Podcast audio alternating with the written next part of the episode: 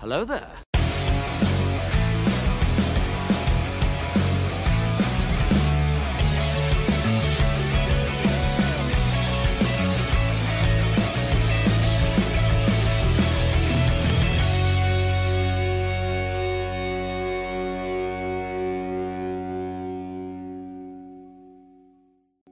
I witamy was wszystkich e, bardzo serdecznie. Z tej strony Paweł Kruzer-Klimerz. Jak zawsze ze mną jest Chwiściu, e, a naszymi Cześć. dzisiejszymi gośćmi będą e, Maciej oraz Wildcamer, czyli Adam Zechenter. Panowie, których pewnie kojarzycie z łamów serwisu gry online.pl. Witam panowie.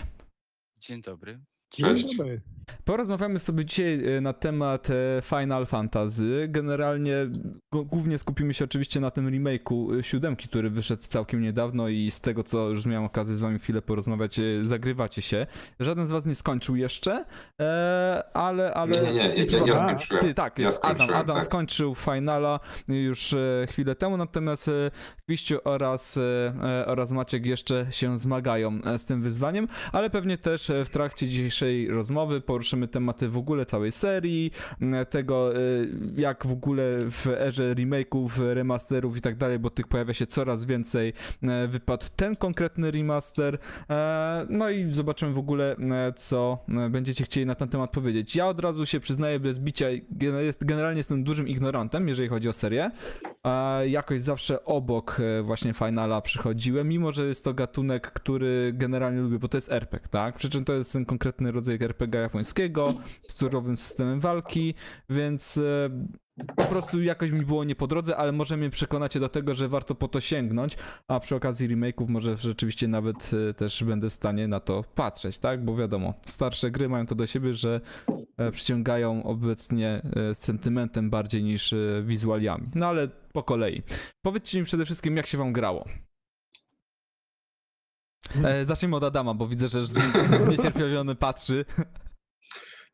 Ja bym powiedział tak, że to jest, jakbym miał jednym, użyć jednego słowa, żeby opisać Final Fantasy VII Remake, to bym powiedział, że to gra nierówna, w sensie nierówna, bo to jest jedno słowo. W tym sensie, że ona ma świetne momenty i ma drażniące momenty. Jest kapitalna i bywa nużąca, więc jakby to jest gdzieś taka wypadkowa, raczej oczywiście na plus, zdecydowanie na plus, ale wypadkowa właśnie tych elementów średnich, czasami niepotrzebnie wydłużających i rzeczywiście takich, e, takich wow. Więc ja jestem zadowolony, ale szczerze mówiąc nie aż tak, jak myślałem, że będę. Znaczy myślałem, że to będzie takie doświadczenie e, typu, och, to jest oczywiście gra roku już w kwietniu, nie ma żadnej wątpliwości, a no nie, wstrzymałem się z taką opinią. Więc jakby Mhm. tyle ode mnie na sam początek. Moje wrażenia są dokładnie takie samo, same i to jest tak, że ta gra jest tak nierówna, że możemy się jednego dnia pod- podczas jednego posiedzenia właśnie myśleć, wow, to jest super gra, a po godzinie myśleć, Jezu, kiedy to się skończy, nie? To, to, to są takie, takie różnice. Ja tak dzisiaj miałem, że miałem etap, w którym byłem naprawdę zachwycony i, i super się, mi się grało, a, a godzinę później już tak czekałem, no dobra, skończmy już ten etap może, nie? A tutaj jeszcze kolejna godzina e, jakiegoś tam bezmyślnego w sumie e, klepania stworów.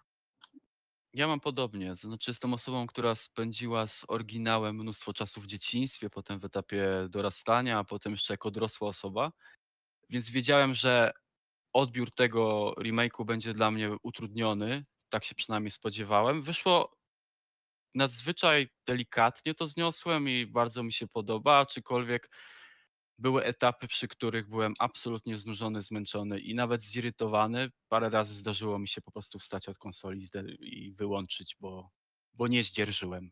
Mhm. Ja się tutaj wypowiem troszeczkę może jeszcze w imieniu Jordana, który planowo miał być dzisiaj z nami, ale niestety e, z powodu, który zresztą za chwilę powiem, e, no nie ma go dzisiaj. Mianowicie jego doświadczenia z grą są fenomenalne, ponieważ wciąż jej jeszcze nie dostał. E, Pre-order, który złożył, niestety jeszcze do niego nie dotarł, prawdopodobnie między innymi z uwagi na obecną sytuację oczywiście e, z koronawirusem i tak dalej. Także no też nie zdecydował się na udział dzisiaj, bo, bo po prostu nie miałby za dużo do powiedzenia, nie? Pewnie mógłby sporo powiedzieć na temat samej serii i tak dalej, ale na temat remake'a no niespecjalnie, bo zwyczajnie nie miał okazji te, w niego pograć. to jest idealny argument za tym, żeby nie kupować preorderów. Tak jest, don't pre-order, tak? Remember. E, zakładamy maseczki, idziemy do sklepu, kupujemy na miejscu. No nie, chyba to teraz też coś nie działa. Nie wiem jak to wygląda. Chyba sklepy z grami są pozamykane, nie? Jako te nieesencjonalne, że tak to ujmę. E, Dobrze, słuchajcie. e, W takim układzie e, ja jestem tutaj poratowany przez bardzo fajną listę pytań, jakie spreparował przede wszystkim Kwiściu, ale z tego co wiem, wy też tutaj mieliście okazję wcześniej zajrzeć i kilka z nich powrzucać, także ja dzisiaj przyjmę rolę takiego moderatora dyskusji. Pewnie też rzucę kilka pytań od ciebie, bo tak jak mówię, może będzie akurat warto w czasie tej kwarantanny sięgnąć właśnie po te tytuły, a myślę, że najlepszy okres na nadrabianie zaległości e, growych jest właśnie teraz, a pewnie to mogą być pytania, które też zadawałyby osoby, które również nie miały styczności z serią, a pewnie takie też się znajdą wśród naszych słuchaczy. A więc e, pierwszy temat będzie dotyczył walki, e, czyli jak wspomniałem, gry z serii charakteryzują się tym, że są to walki turowe, ale tutaj widzę, że Kwiściu zaznaczył, że jest dosyć efektowna i szybka. I ja chciałbym zapytać, o co tutaj chodzi w ogóle? Dlaczego, Bo- dlaczego, dlaczego użyłeś takich słów, żeby określić tą walkę właśnie? Znaczy walki turowe to jest jakby cecha charakterystyczna finali, ale oni Mhm. od już dłuższego czasu odeszli od tego i poszli w akcję i to już było w 15, to było w 13 13 i trochę 12. trochę tak, no i w 12 też. E, I tutaj jakby oni kontynuują to, co e, dla mnie to jest takie połączenie trochę systemu z siódemki i systemu z 15, nie? że zaadaptowali e, system walki, który jest, no, możemy to powiedzieć, że to, to, to taki system akcji. Raczej mamy uniki, mamy bloki, mamy ataki, mamy aktywną pauzę, można to tak nazwać, takie spowolnienie czasu, ale bardzo mocne. Ale to wszystko jest tak, tak dostosowane, żeby przypominało trochę tą walkę z siódemki, nie? Bo, bo umiejętności i, e, i dużo mechanik za, zachowali. I dla mnie ta walka e, jest podobna do piętnastki o tyle, że ona jest taka bardzo nieczytelna na, na początku. Że często ja mam, ju- już mam na, na liczniku 20 godzin i nadal mam wrażenie, że wielu ataków nie umiem unikać. Nie wiem, co robić, żeby ich uniknąć. E, Na każdego e, przeciwnika jakby znajduję jakiś sposób, ale nie jest to taki system, nie wiem, jak e, w Soulsach czy w jakichś grach, gdzie to wszystko jest jasne, czytelne. Jak dostaję cios, to wiem, dlaczego go dostałem, czemu go nie uniknąłem. Tutaj tego nie ma, ale mam też wrażenie, nie wiem, czy też e, podzielacie to, że ten system, on jest e, w czasie rzeczywistym, ale mimo wszystko właśnie przez to, że te uniki i te ataki nie są takie e, takie jasne i, i jakby, e, jak to powiedzieć, że to mimo wszystko pozostała tu, pozostało tu trochę turowość. Że musimy mieć, przygotować jakąś taktykę, musimy kolejkować sobie odpowiednio e, nasze ataki i ciosy i wymyślać jakiś sposób na, na przeciwnika, a niekoniecznie po prostu dobrze unikać i, i maszować przycisk ataku. No tak, jakby w ogóle taka ciekawa sprawa wygląda, jeżeli chodzi o tę całą mechanikę walki, która jest w ogóle bardzo fajna, efektowna. E, kapitalnie odwołuje się do tego oryginału, znaczy są rzeczywiście te same ataki, one oczywiście wyglądają niesamowicie lepiej, biorąc pod uwagę fakty, jak, jak, jak strasznie wygląda oryginał dzisiaj. To jest, to jest ten typ gry 3D, która z początków gier 3D wygląda dzisiaj po prostu przerażająco źle.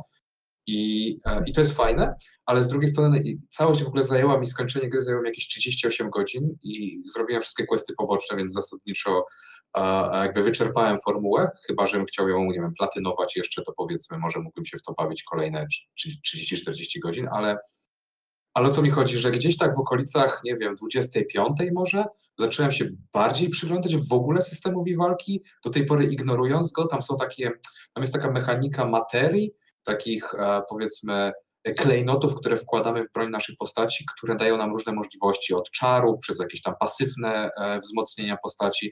Je można też łączyć e, ze sobą w jakiś tam sposób. I gra była na tyle prosta, że zasadniczo unikając ataków i stosując te najbardziej podstawowe ataki specjalne, które odpalamy przy okazji tej takiej przerwy taktycznej, o której mówił Kwiściu, to w zasadzie nie miałem przez większość gry żadnego problemu. Dopiero pod koniec zacząłem się borykać z trudniejszymi przeciwnikami, zacząłem przegrywać z nimi walki, wtedy okej, okay, wygooglałem poradnik gry online, przeczytałem jak należy grać i, i od tego czasu już było lepiej. Ale, yy, ale jakby to jest taki, można powiedzieć, że to jest wada, tak? W tym sensie, że przez większość czasu ten efektowny, fajny, yy, rozbudowany system walki nie wymagał ode mnie w ogóle badania, o co w nim chodzi. A to, to ja miałem tak, że przy tych głównych walkach tak, ale zdarzały się takie walki poboczne, to, to, to jest właśnie jakby e, o, o co mi chodziło z tym planem, że trafiałem na przeciwników, których na przykład jak zaczynasz przegrywać w tym systemie walki, to cała walka robi się trudna, jak początek masz trudny, bo nagle się okazuje, że musisz co chwilę, bo tam jakby e, tury polegają na tym, e, jak w wielu innych finalach, że ładuje nam się pasek akcji. Jak ten pasek akcji się naładuje, to możemy podjąć akcję. I w momencie, w którym zaczynasz przegrywać, to większość tych akcji tracisz na defensywne umiejętności, czyli na leczenie i tak dalej.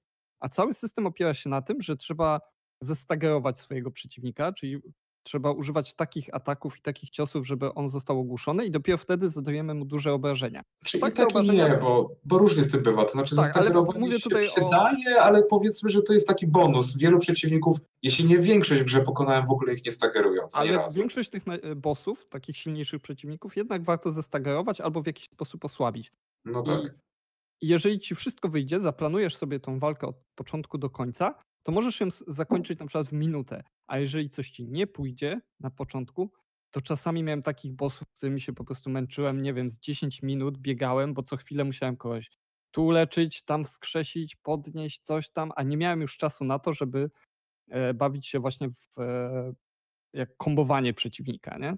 Zanim Tak. Maćkowi damy głos, też tylko właśnie powiem, że tutaj jest taka śmieszna mechanika i ona ma taką właśnie wadę, to co mówisz Kwściu, że tam, żeby zastosować te specjalne umiejętności, musimy w zasadzie atakować przeciwnika. One się same ładują, ale bardzo powoli. Mhm. Więc jeżeli my atakujemy przeciwnika, to one się nabijają. Przy czym jeżeli zaczynamy dostawać w tyłek, to zużywamy te nasze super zdolności, te, te naładowane na wyleczenie naszych postaci, po czym zostajemy w sytuacji, w której na przykład mamy czerwone paski życia wszystkich postaci, albo dwie postaci padły, dwie nie, i teraz biegasz dookoła areny, modląc się, żeby żaden z ataków ci nie trafił, bo do końca nie wiesz, dlaczego one trafiają, jak ich uniknąć, i żeby ci się naładował powoli ten pasek, żebyś mógł jedną postać wskrzesić, w tym momencie jak ją wskrzesisz, to dalej nie masz żadnych umiejętności, one mają dalej czerwone paski życia, dlatego znowu ci ktoś pada i to potrafi być taka pętla właśnie, taka wkurzająca Tak, tak, pętla śmierci. Przedłuża ci walkę naprawdę o 10 minut, a Mm. później odpalasz tą walkę od nowa i nagle czas prask gościa nie ma, nie? Bo skombowałeś odpowiednie ataki, no w sumie Mhm. zginął.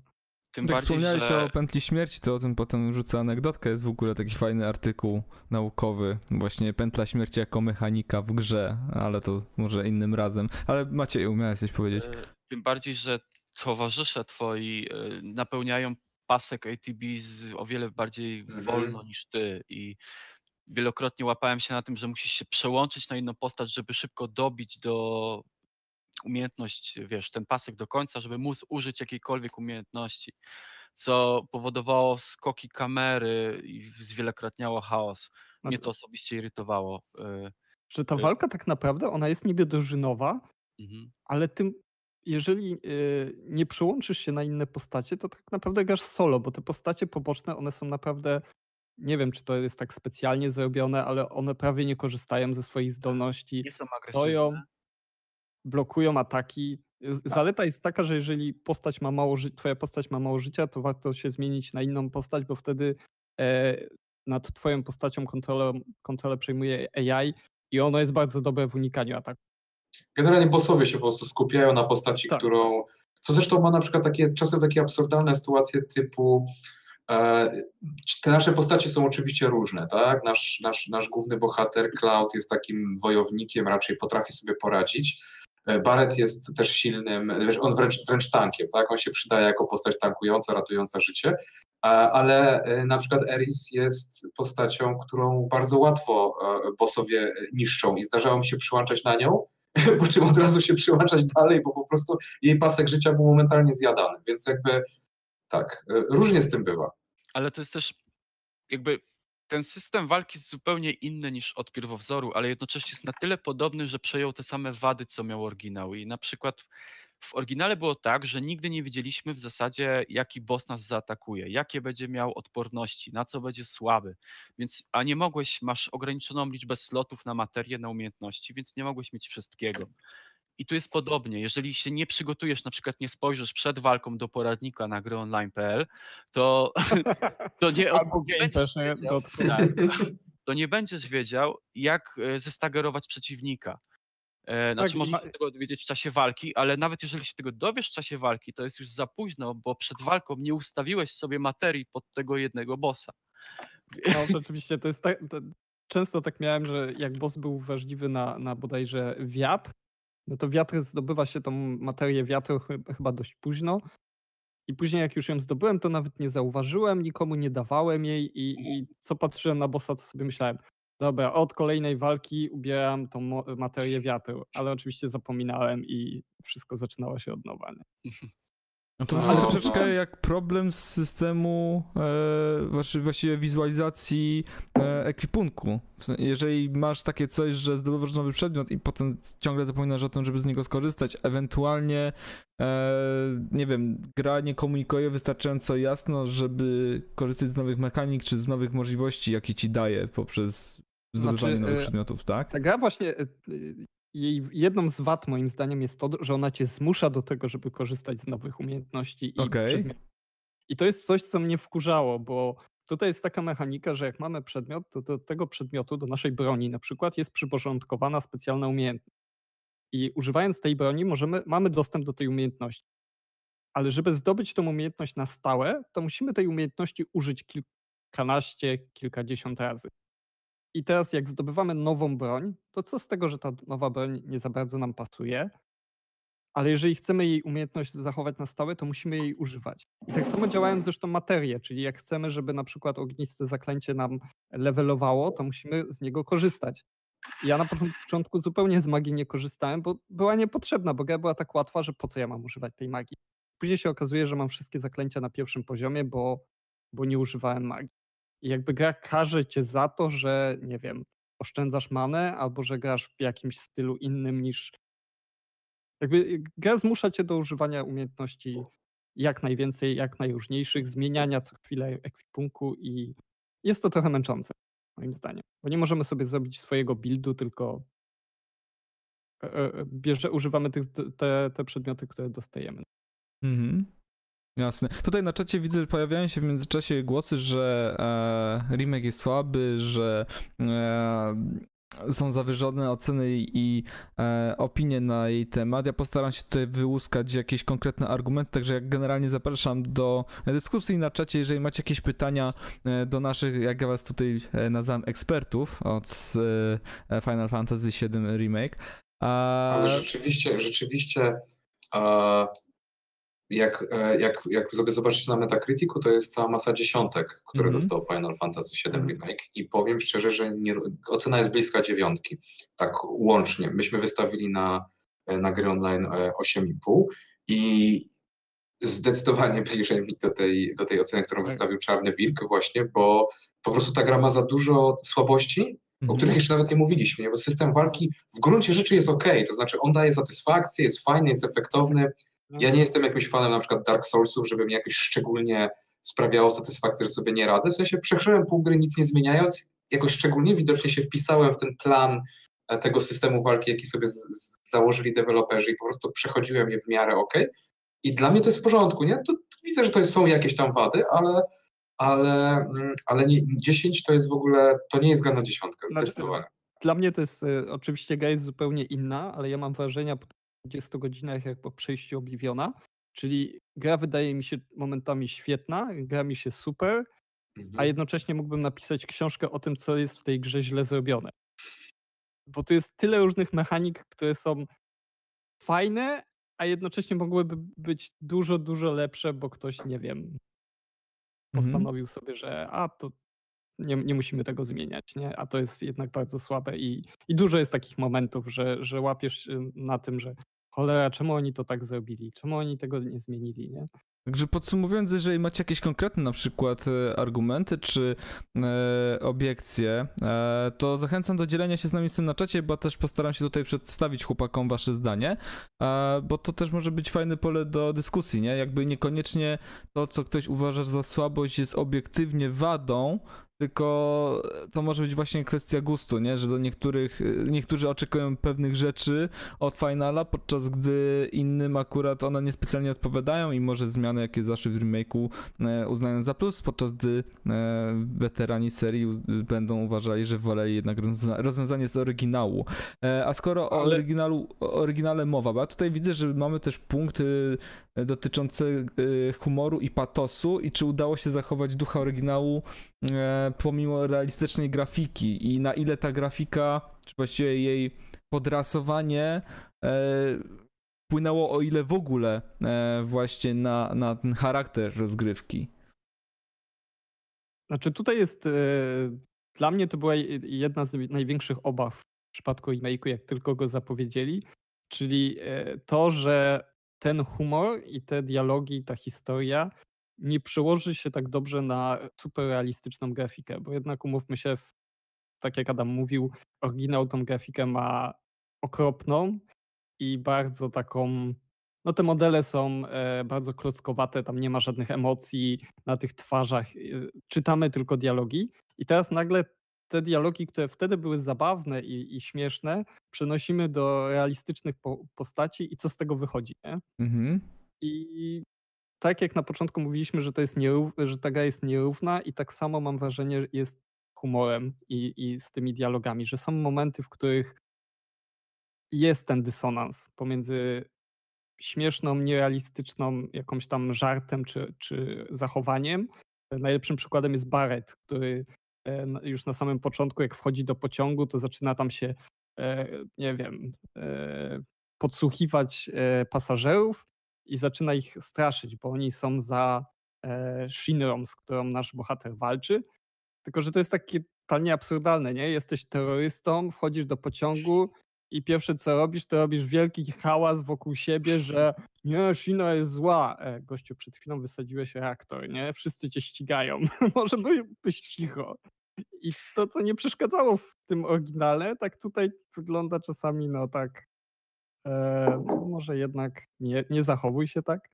Wiesz co, ja się zgodzę, ale wydaje mi się, że materiał źródłowy jest bardzo trudny do przekładu na serio. Jakby tam, jak sobie popatrzysz choćby na, no, dosłownie na wszystko, od e, od przeciwników, którzy stoją na twojej drodze. W pierwowzorze to były wściekłe muchomorki i nawet nawiedzone czajniczki na herbatę, które atakowały kolesia z wielkim mieczem. No wiesz, to jakby to już przełóż teraz to na jakiś poziom no, no. realizmu, nie? Nie da się, trzeba... No tak samo zresztą sam Barrett, nie? Jesteś tak. e, poszukiwanym terrorystą i chodzisz z wielkim karabinem maszynowym zamiast ręki i no. nie ma, nikt cię nie zatrzymuje, nie? No. Ja, Ale ja powiem, że no Maciek, Maciek. Y, myślę, że i tak wyszli obronną ręką. Tak. Znaczy, udało jakby nie, rzadko cringe'owałem, nie miałem takich etapów, o jest, boż, nie, no co, co wy.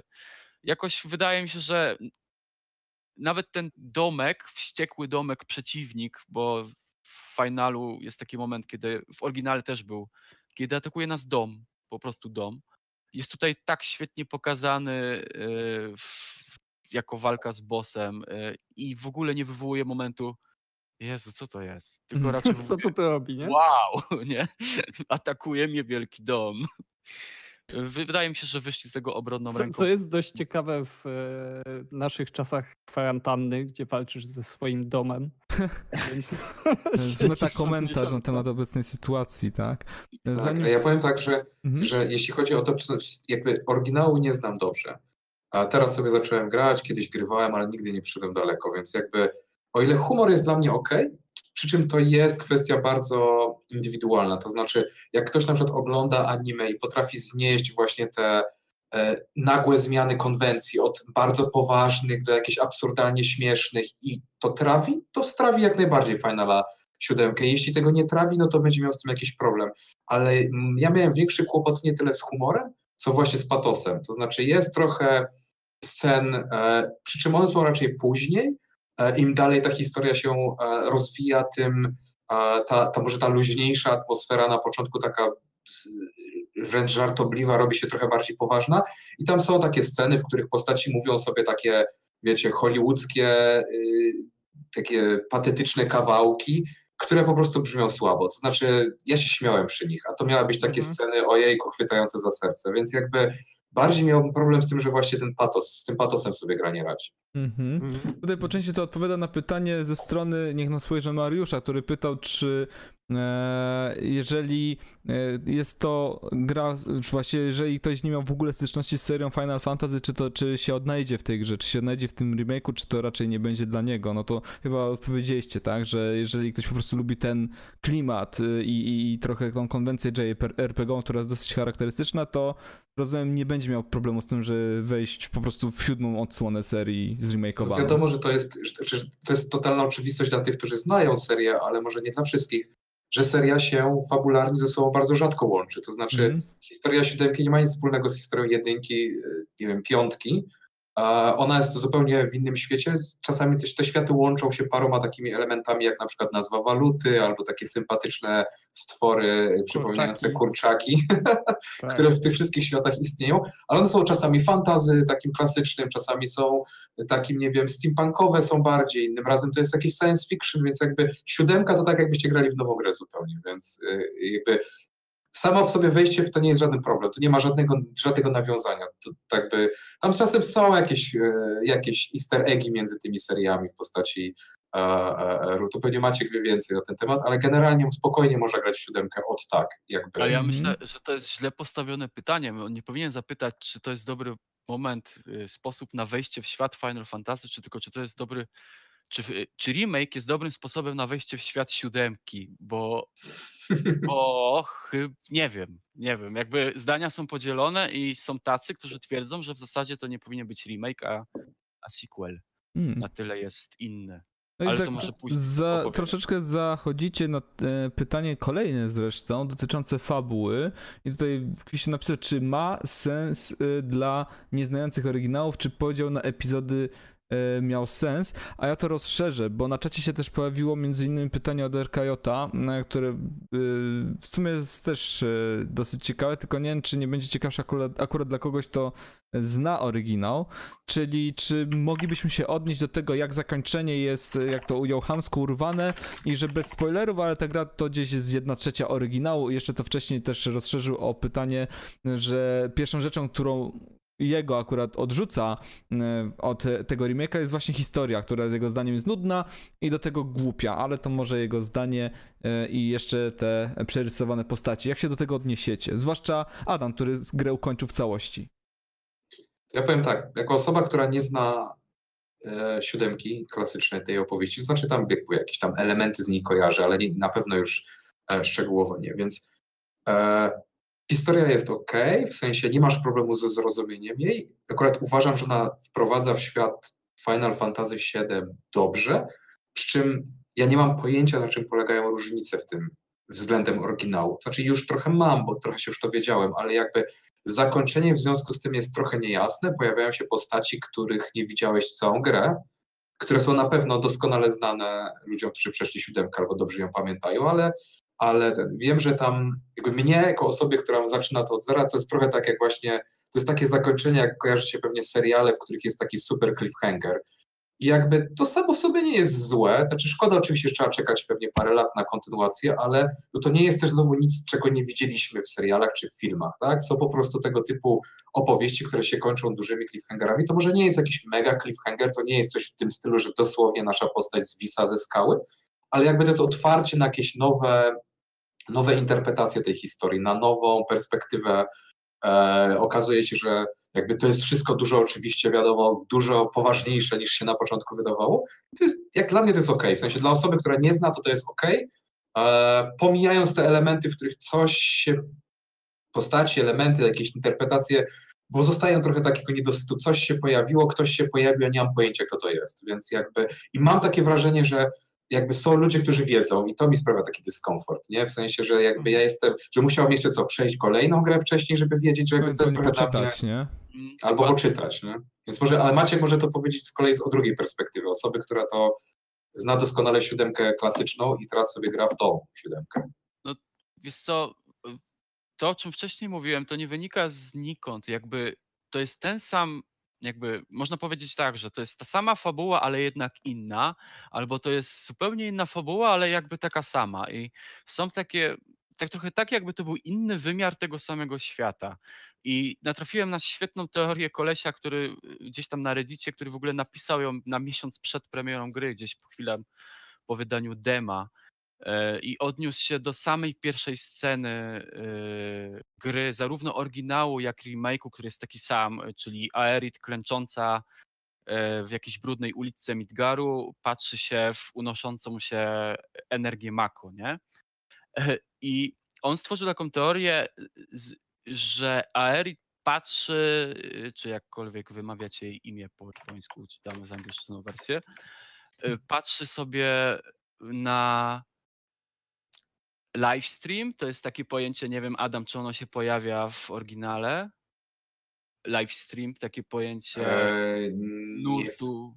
Aha, że ono, czekaj, bo mówisz, że ono się pojawia, tak? Właśnie pojawia się w oryginale, nie wiem czy pojawia się w remake'u. Nie wydaje mi się, żeby się No pojawiło. właśnie, to jest, patrzy się w, w livestream, to jest taki jakby nurt e, energii życiowej podzielonej na cykle. Każde życie należy do nurtu Matki Ziemi. Ta gra jest w ogóle bardzo ekologiczna, więc e, dużo Mhm. będzie takich odniesień. I widzi tam wydarzenia z oryginału. Jakby ona w remake'u, patrząc w tą energię, widzi wydarzenia z oryginału. I dlatego one i chwilę, za chwilę ma się dziać to samo, to co się działo w oryginale, ale dzieje się coś innego, bo pierwsza różnica która różni te scenariusze dwóch gier, już jest na samym początku. W oryginale Aerith wstaje i idzie w stronę ulicy z kwiatami. W remake'u ona się czymś płoszy, kogoś się boi i ucieka. Zwróćcie na to uwagę w intrze. Mhm. I to jest pierwsza ró- różnica. Fajni mówią, no pewnie Sefirota, który ją ściga, ponieważ wie, że przegrał w poprzednim wydaniu, w poprzednim cyklu i teraz się przeniósł do tego i ją ściga, e, bo chce sam dokonać remake'u wydarzeń. Rozumiecie? Hmm. Okej. Wy- e, Teoria jest równie e, głupia i fajna, jak ta teoria z Jar Jar Binksem jako imperatorem e, Sithów. O Jezu, nie. Znaczy, Polecam nie, ja nie znoszę tej. To jest najgorsza teoria dotycząca Star Warsów ever spośród tych wszystkich fanowskich i całe szczęście Lukas się nie zdecydował, żeby e, No, no, pójść tym no, nie, tropem. no jasne, tylko wiesz co, chodzi o to mi, że rzeczywiście fabuła jest inna, jakby w tym remake'u. Mhm. Jest, to nie jest ta sama gra, to nie jest ten sam scenariusz. Dodali na tyle różnych odniesień i odjechań, że w zasadzie to jest inna historia, jakiś taki... To jest jakaś interpretacja, nie? Tej O, fabuły. dokładnie. Mhm. Mi się podoba, że to, ja, ja tu myślę o tym, jak taki jeden z wymiarów wielo, w świecie wielowymiarowym y, Hugh Everetta, w takim wymiarze, gdzie wiesz, w jednym tutaj siedzimy i Adam jest zastępcą redaktora naczelnego gry online, a w tym drugim wymiarze jest na przykład redaktorem naczelnym Pudelka. I, i tak mi się wydaje, że właśnie ten Final. Fantasy 7 Remake to jest taka koncepcja czegoś innego, choć, choć wszyscy Mhm. patrzymy i widzimy w zasadzie to samo, nie? Mhm. Ale to jest w sumie też ciekawe, że o, jakby wydawało się dość konserwatywni Japończycy, e, jednakże się odważyli na coś takiego, nie? Że mogli pójść po najniższej linii oporu, skopiować scenariusz, oczywiście zaktualizować niektóre rzeczy, żeby bardziej pasowały do, do tej grafiki współczesnej, ale, ale jednak zachować tego ducha oryginału, a tutaj się tego nie bali i pewnie to było po części też dlatego, bo e, grę współtworzą chyba twórcy oryginału, nie? Tak. Więc dla nich to nie było, nie wiem, zadzieranie z świętością, bo halo, my ją stworzyliśmy, nie? Więc możemy sobie zmieniać jak chcemy. Mhm. Pozostając w temacie, tutaj wyłowiłem kilka komentarzy, które świetnie się chyba do tego segmentu naszej dyskusji nadają, e, bo zarówno Mikołaj, jak i Gotien napisali w skrócie, że słowo remake jest trochę niefortunnie tutaj użyte, że bardziej bym się skłonił tutaj ku e, nazwaniu tego rebootem serii. Ktoś tutaj też napisał właśnie, że tak, Gotien konkretnie, że tak, reboot e, pasuje bardziej niż remake, e, bo trochę pozmieniali fabułę, dużo osób ożywili, takie drugie Kingdom Hearts. Zdecydowanie reboot pasuje Z bardziej. drugiej strony właśnie Mirol y, rzucił kontrargumentem, że dla osób, które znają dobrze podstawkę i cenią sobie wysoko, cały koncept tego remake'u jest świetny, bo to właśnie remake. Historia jakby odgrywa się ponownie. Mhm. I to jest y, nawiązanie do tej teorii, o której ty wspominałeś, tak? Czyli jakby to nie jest de facto reboot, tylko wtedy bardziej usankcjonowane byłoby nazwanie tego faktycznie remake'iem. Albo nawet wręcz sequelem. Albo sequelem, mhm. Albo... Final Fantasy ma taką tradycję, że nazywa swoje odsłony na przykład Final Fantasy 13.2, nie? W związku z tym mogło być Final Fantasy 7.2. Dlaczego by nie? E, A na czacie jeszcze Mirol napisał, że nie, nie wie czemu się śmiejemy z tej teorii, że ona jest najlepsza i najbardziej prawdziwa, ma kilka wad, ale jest niemalże potwierdzona, że sama Erit o tym e, mówi w grze. I ja tutaj bym się nie śmiał z tej teorii, że może być tak, że, że właśnie ta Erit widzi w tym. Live streamie tą przyszłość, tylko ja mam nadzieję, że oni tego nie pociągną, że to nie będzie jakieś przeskakiwanie między wymiarami albo coś w tym stylu. Ja. Bo ja zawsze myślę- jak twórcy robią coś takiego, to się kończy totalnym e, chaosem i, i Tak. nigdy to nie ma sensu. Nie, to musi pozostać na jakiejś sferze niedopowiedzenia, nie? Że... że to jest faj, fajne tło fabularne, że jest taka możliwość i jesteśmy w innym wymiarze, mamy podobne tych samych bohaterów, ale wszystko się może skończyć inaczej. No i słuchajcie, e, coś chciałeś powiedzieć, Adamie?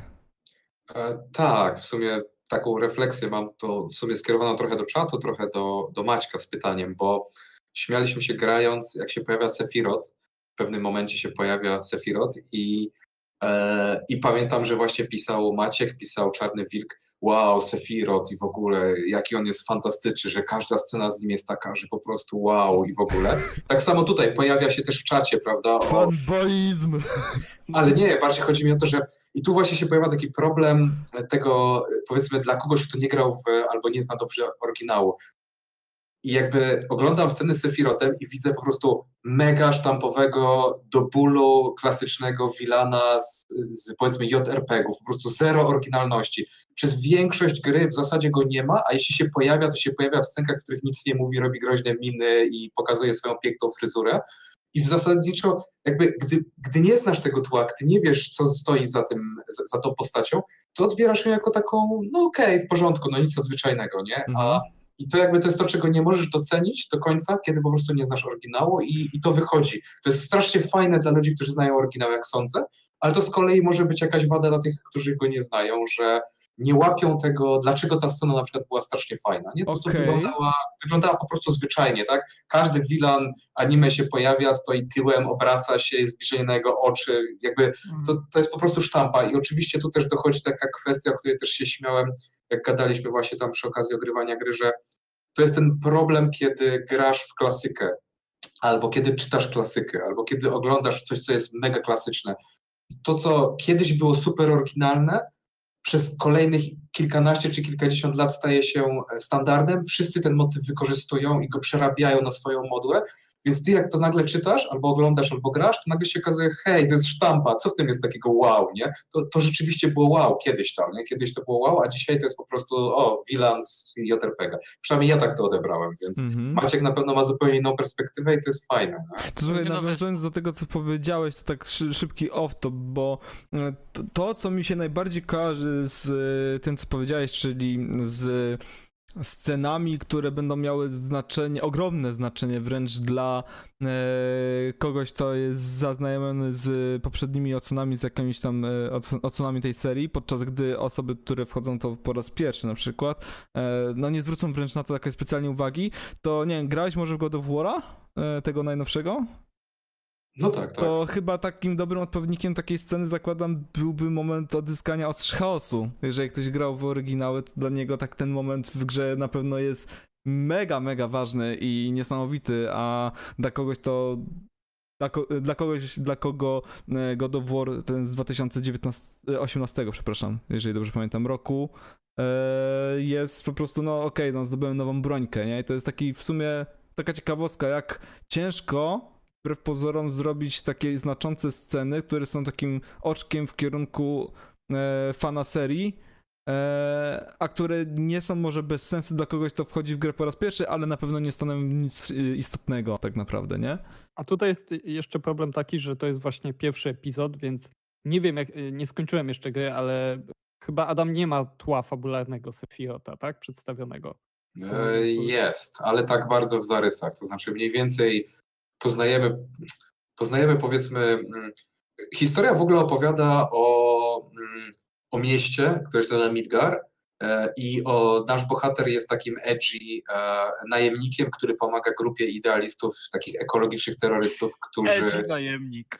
No jest taki, za każdym razem mówi, pomogę wam, jak mi dobrze zapłacicie. Spoko, zrobię to, ale musicie mi zapłacić. Tak to powtarza jakby, mimo tego, że przecież nie robi tego dla kasy w ogóle, więc jakby on taki zgrywa się strasznie. W każdym razie i jest ta grupa e, e, Avalanche, która, która jest tą powiedzmy idealistami, e, ekoterrorystami, których celem jest wyłączenie reaktorów, które napędzają to miasto Midgar i one są napędzane taką energią życiową tej planety, na której rozgrywa się ta opowieść. I na początku przez większość gry się wydaje, że to jest główny jakby fundament tej opowieści, tak? że jest ta planeta, ona jest zagrożona i tutaj się pojawia E, nasi, nasi e, bohaterowie, którzy, którzy coś próbują z tą planetą zrobić i gdzieś pod koniec jedynki się okazuje, że ta historia jest dużo głębsza, tak? że pojawia się większe zagrożenie, więc e, jakby tyle, że ten Sephiroth, który na początku tylko gdzieś tam się w jakichś przebłyskach wspomnień Klauda pojawia, pod koniec powiedzmy dostaje jakąś taką taką swoją, takie swoje uzasadnienie jego intencji, chociaż powiem, że ono jest tak mega kosmicznie rozbudowane, że do końca nie wiadomo o co chodzi. Hmm. A pytanie mam w sumie, czy wiemy coś więcej o życiu miłosnym Sefirota w remake'u? Nie. A, bo widzisz, a to jeszcze bo widziałem, że już to było Chyba nie, albo, albo, to, albo to zignorowałem, w sensie Raczej nie zauważyłem, bo... Nie mhm. Dobra, nie, to się, to, to, to, czyli to zostawili na później. Bo to jest trochę problem, nie? Że właśnie nie przedstawiałem ci do końca tła, to jest tak. cały czas pierwsza część mhm. i wtedy każda postać jest no, no płytka jednak, nie? Może być super efektowne przedstawienie, może się super efektownie odwracać, mieć efektowną fryzurę, ale jeżeli nie znamy jej tła, to zawsze to jest właśnie taki sztampowy villain, który ma długi miecz i, i Wybacz, że się śmieję, ale Jordan właśnie się wypowiedział na czacie, że Sephiroth jest twinkiem z Mommy Issues, tak? Także jest, e, jest kontrbalans e, A tutaj jeszcze e, opinii. ciekawe jest to, co do fabuły, że e, oprócz Final Fantasy VII, tak jak wspominaliśmy, jeszcze są różne spin-offy i jest na przykład Crazy Score, który jest prequelem siódemki. E, I teraz ciekawe jest to, czy na przykład plotą tą fabułę z Crazy Score'a do, do, tej, do remake'u, nie? kolejnych mm. epizodach. Bo to y, mi się na przykład fabuła y, Crisis Core bardzo podobała. Ona fajnie rozbudowuje tą historię. I y, bo nie było nic Adam o Zaku, nie? Wydaje mi się, że się pojawił na sam koniec. Tak mi Aha, się wydaje. Przy czym Zak pojawiał się w oryginale, nie będę spoilerował, także się nie bójcie. On pojawia się w oryginale i stanowi jeden z punktów plot twistu e, mhm. fabularnego. Pojawia się, tak. Bardzo ważnego którym przestajemy patrzeć na Clouda jak na najemnika Edgy, tylko na chłopaka z problemami, więc... Tego, tego też mi właśnie brakowało, że ponieważ ja tego nie i jak nie wie, nie wie tego pewnie miliony ludzi, którzy zagrają w tą grę, że my jednak przez 40 godzin śledzimy opowieść jakby takiego wycofanego emocjonalnie faceta, który wręcz zachowuje się jakby był mm, jakby miał jakiś problem w ogóle z samym sobą. No. Nie odpowiada na pytania, jest taki, no naprawdę jest wycofany tak przedziwny sposób i jakby ja nie wiem dlaczego. Tak? Zak się pojawia w jednej z tych końcowych scen na zasadzie nie mam pojęcia o co chodzi, dlaczego, dlaczego to jest ciekawe, na tej, przynajmniej dla mnie. Tak? Mhm. mhm. A, a jak jest z filmami? E, bo tam były też filmy, nie? W sensie. Ja filmu nie oglądałem. E, ale film Advent Children dzieje się po wydarzeniach z siódemki. Jakby... Ciekawe, czy w takim razie tam mają też jakby możliwości zaczerpnięcia jakichś e, pomysłów? Wiesz co, na pewno. Ale film był słaby. Kurczę, on był słaby. Hmm. Opowiadał jakąś dziwną historię choroby, o, choroby, która szerzyła, epidemii, która szerzyła się w Midgar. Mm, zapadały na nią głównie dzieci, chyba albo tylko dzieci. E, Cloud znowu miał doła i znowu miał depresję, znowu nie odpowiadał na pytania, ale potem w połowie filmu zaczął odpowiadać i był już znowu dobrym kolesiem. Mhm. Sephiroth wrócił, zawsze wraca. No nie, film jest taki se. Warto go obejrzeć chyba tylko. A nie wiem w sumie dlaczego. Jak jesteś fanem Finala i lubisz ten świat, to mhm. warto. E, w- tutaj ja- też ja na czasie pojawiła się tylko- wypowiedź, że film był w 100% dla fanów, ludzie, którzy nie znali serii jechali po filmie po całości. Hmm. Ale to znowu Mirror. Znaczy znowu, mam na myśli to, że tutaj y, bardzo mocno zarysowane ma zdanie właśnie na temat tego remake'a i generalnie e, e, wszystkiego, co ma związek z Final Fant- e, Fantasy. Ale coś chciałeś powiedzieć, Kwiściu. E, Że ja bym tu wrócił tylko na chwilę do kwestii e, tego, jaki cloud jest edgy.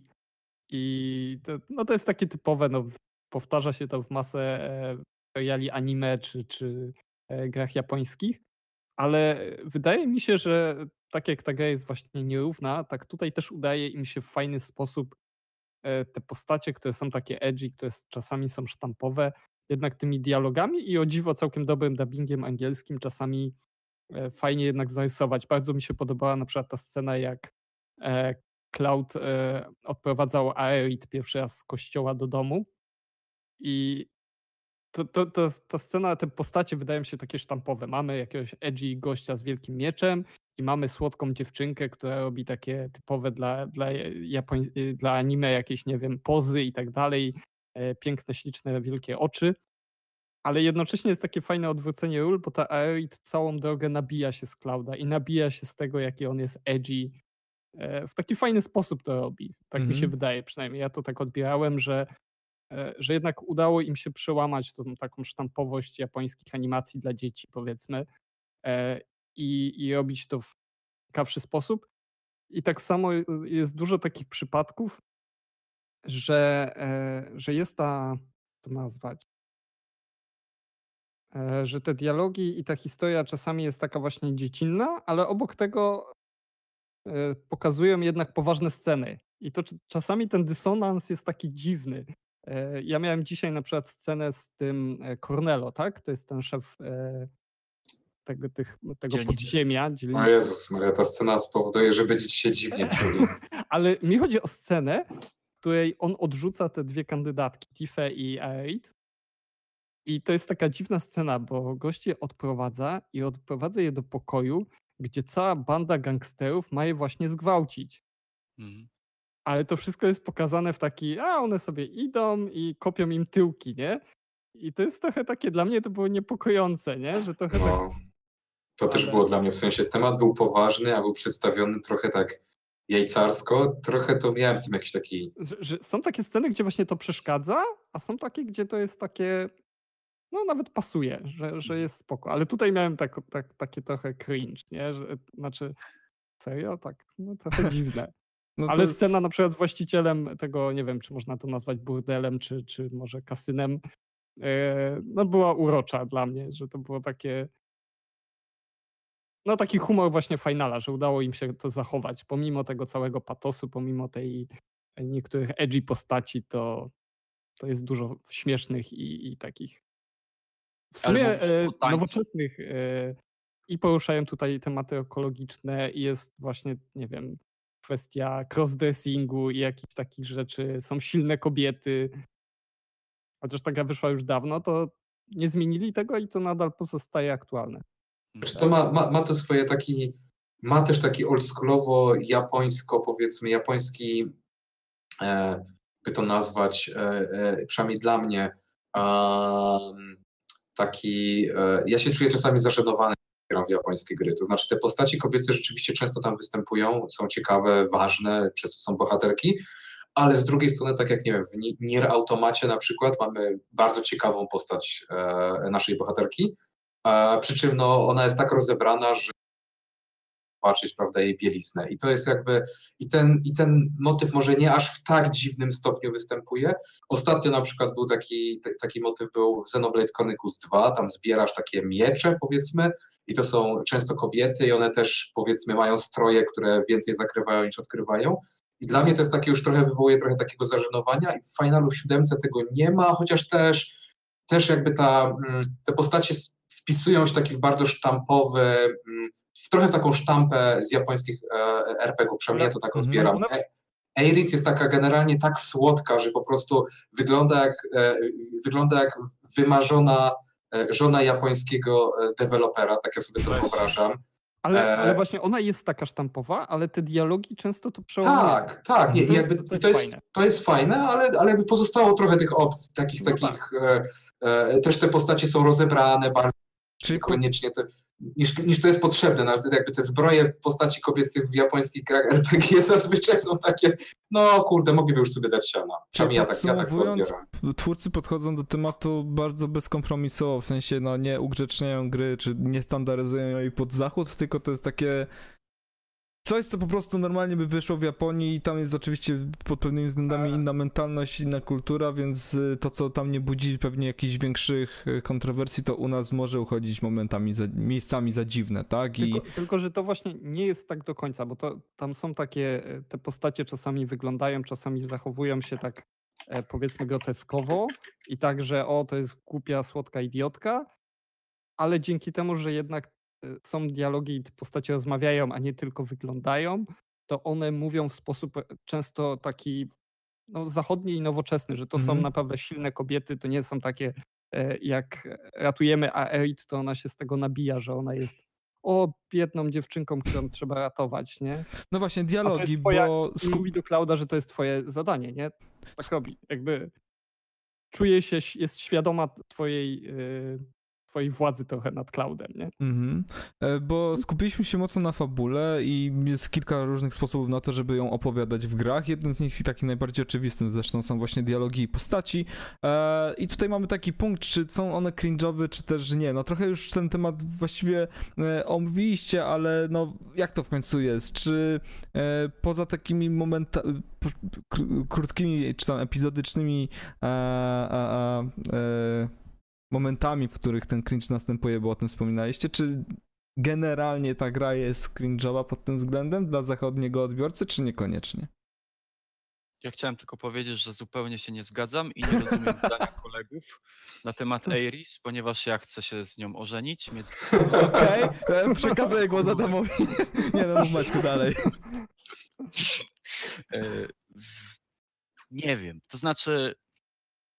Okej, kumam, Barret na przykład. Ja się bardzo bałem postaci Barreta, bo to jest najbardziej przegięta postać, e, która w oryginale była komiczna, ale też nie miała dźwięku, tam nie było voiceoverów. Mhm. I nagle dali mu dźwięk, więc musieli wybrać jakiś dźwięk i nagle ten, on ciągle krzyczy, nie wiem czy zauważyliście. No, On całą grę krzyczy, tak. ale, ale w y, bolało. oryginale też chyba było dużo wykrzykników Tak. i często ta jego postać podskakiwała, nie? Tak, albo się tak trzęsła. Co? O, trzęsła, tak. E, I wydaje mi się, że mimo wszystko je zaakceptowałem. Jakby cały czas mam jakieś tak, e, przymykam oko, jak e, obserwuję niektóre scenki, ale jakby doceniam to, co Square zrobiło z tymi postaciami, zwłaszcza z postaciami drugoplanowymi, o których pewnie powiemy za chwilę, czyli Jesse, nie?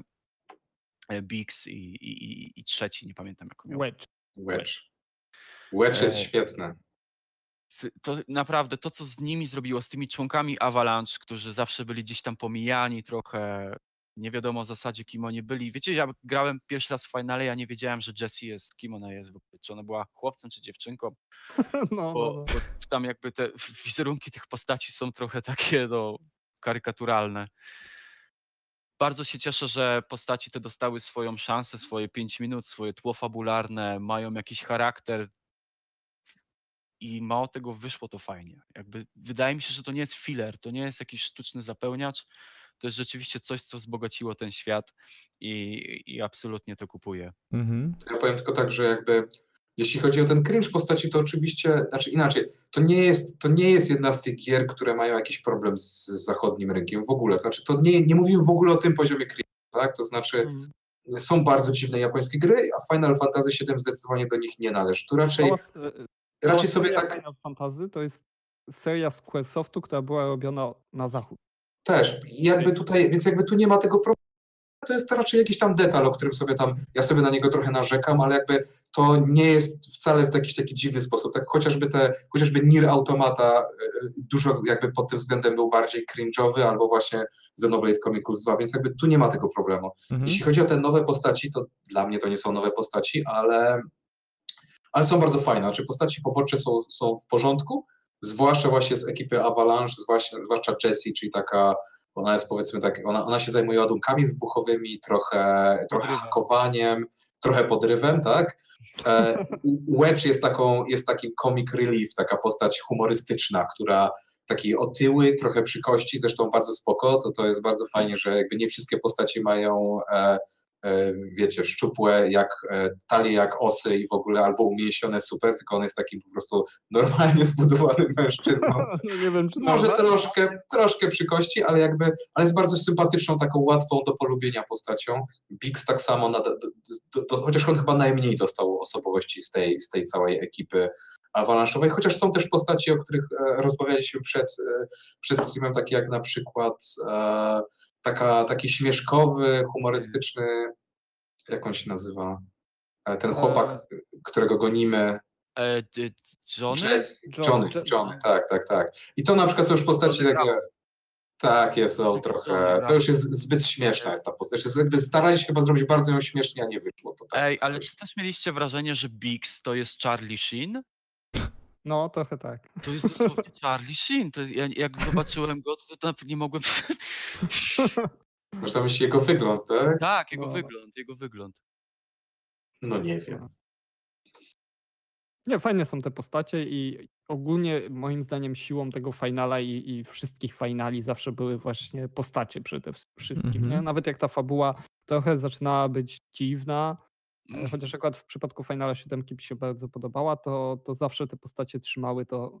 e, Jakby trudno było nie lubić tych, tych, tych postaci głównych i, i wydaje mi się, że to jest największa siła remake'u.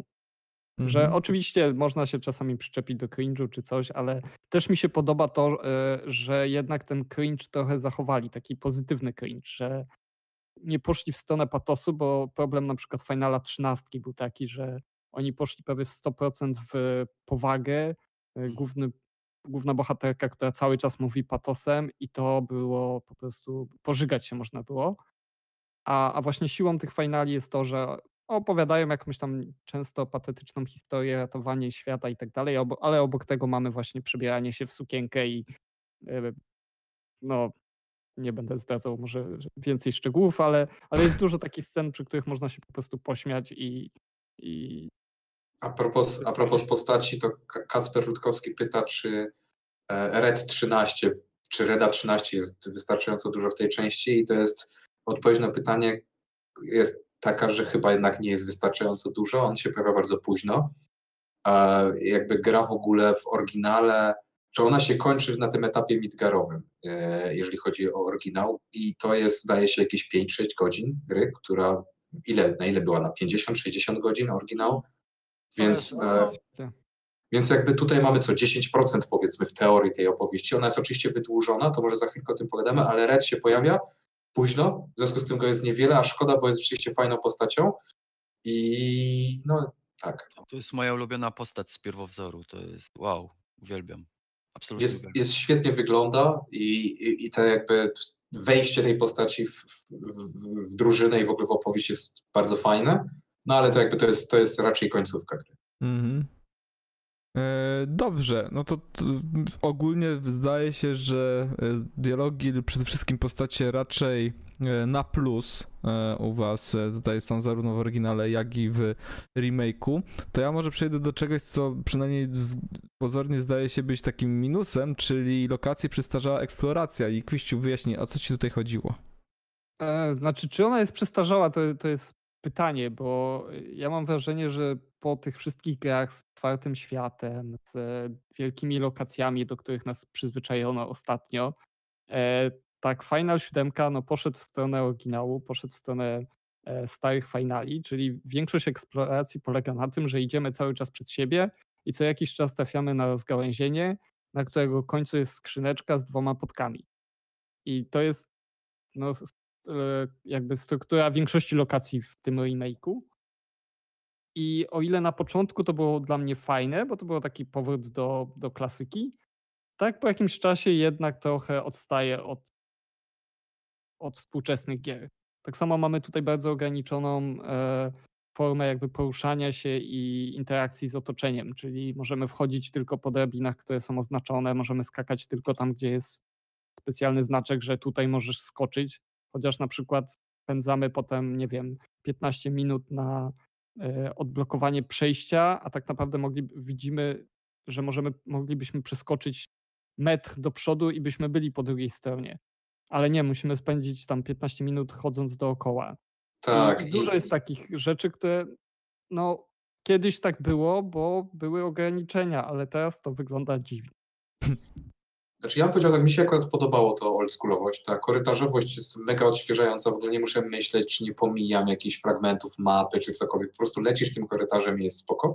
Mhm. Takim ujmującym oldschoolowym elementem są te skrzyneczki właśnie, które ci troszkę nagradzają za to zwiedzanie tej, tej, tej korytarzowej mapki. Dla mnie to akurat było w porządku, eee, więc jakby ja nie miałem z tym akurat żadnego problemu. Mi, mi się to podobało, że to jest takie liniowe, że nie ma tutaj żadnego właśnie, nic nie ominiesz, niczego nie przegapisz, wszystko masz jakby podane na tacy. Tak, jak ktoś lubi mieć takie świadomość, że zebrał wszystko, co się dało i tak dalej, to wydaje mi się, że to jest taki dobry mm, chwila na oddech w tym ogromie innych gier, gdzie masz ten otwarty świat i no choćbyś się starał, to siłą rzeczy na pewno przy pierwszym podejściu bez żadnych poradników trafisz na takie rzeczy, właściwie nie trafisz na pewne rzeczy i się potem dowiesz, że a, nie zdobyłem czegoś, bo gdzieś tam nie zauważyłem, że można było gdzieś pójść, tak? Tutaj tego nie Tak, ma. albo na przykład pisał teraz Czarny Wilk e, taki fajny felieton u nas o tym, że woli gry krótsze i treściwe niż długie i nudne.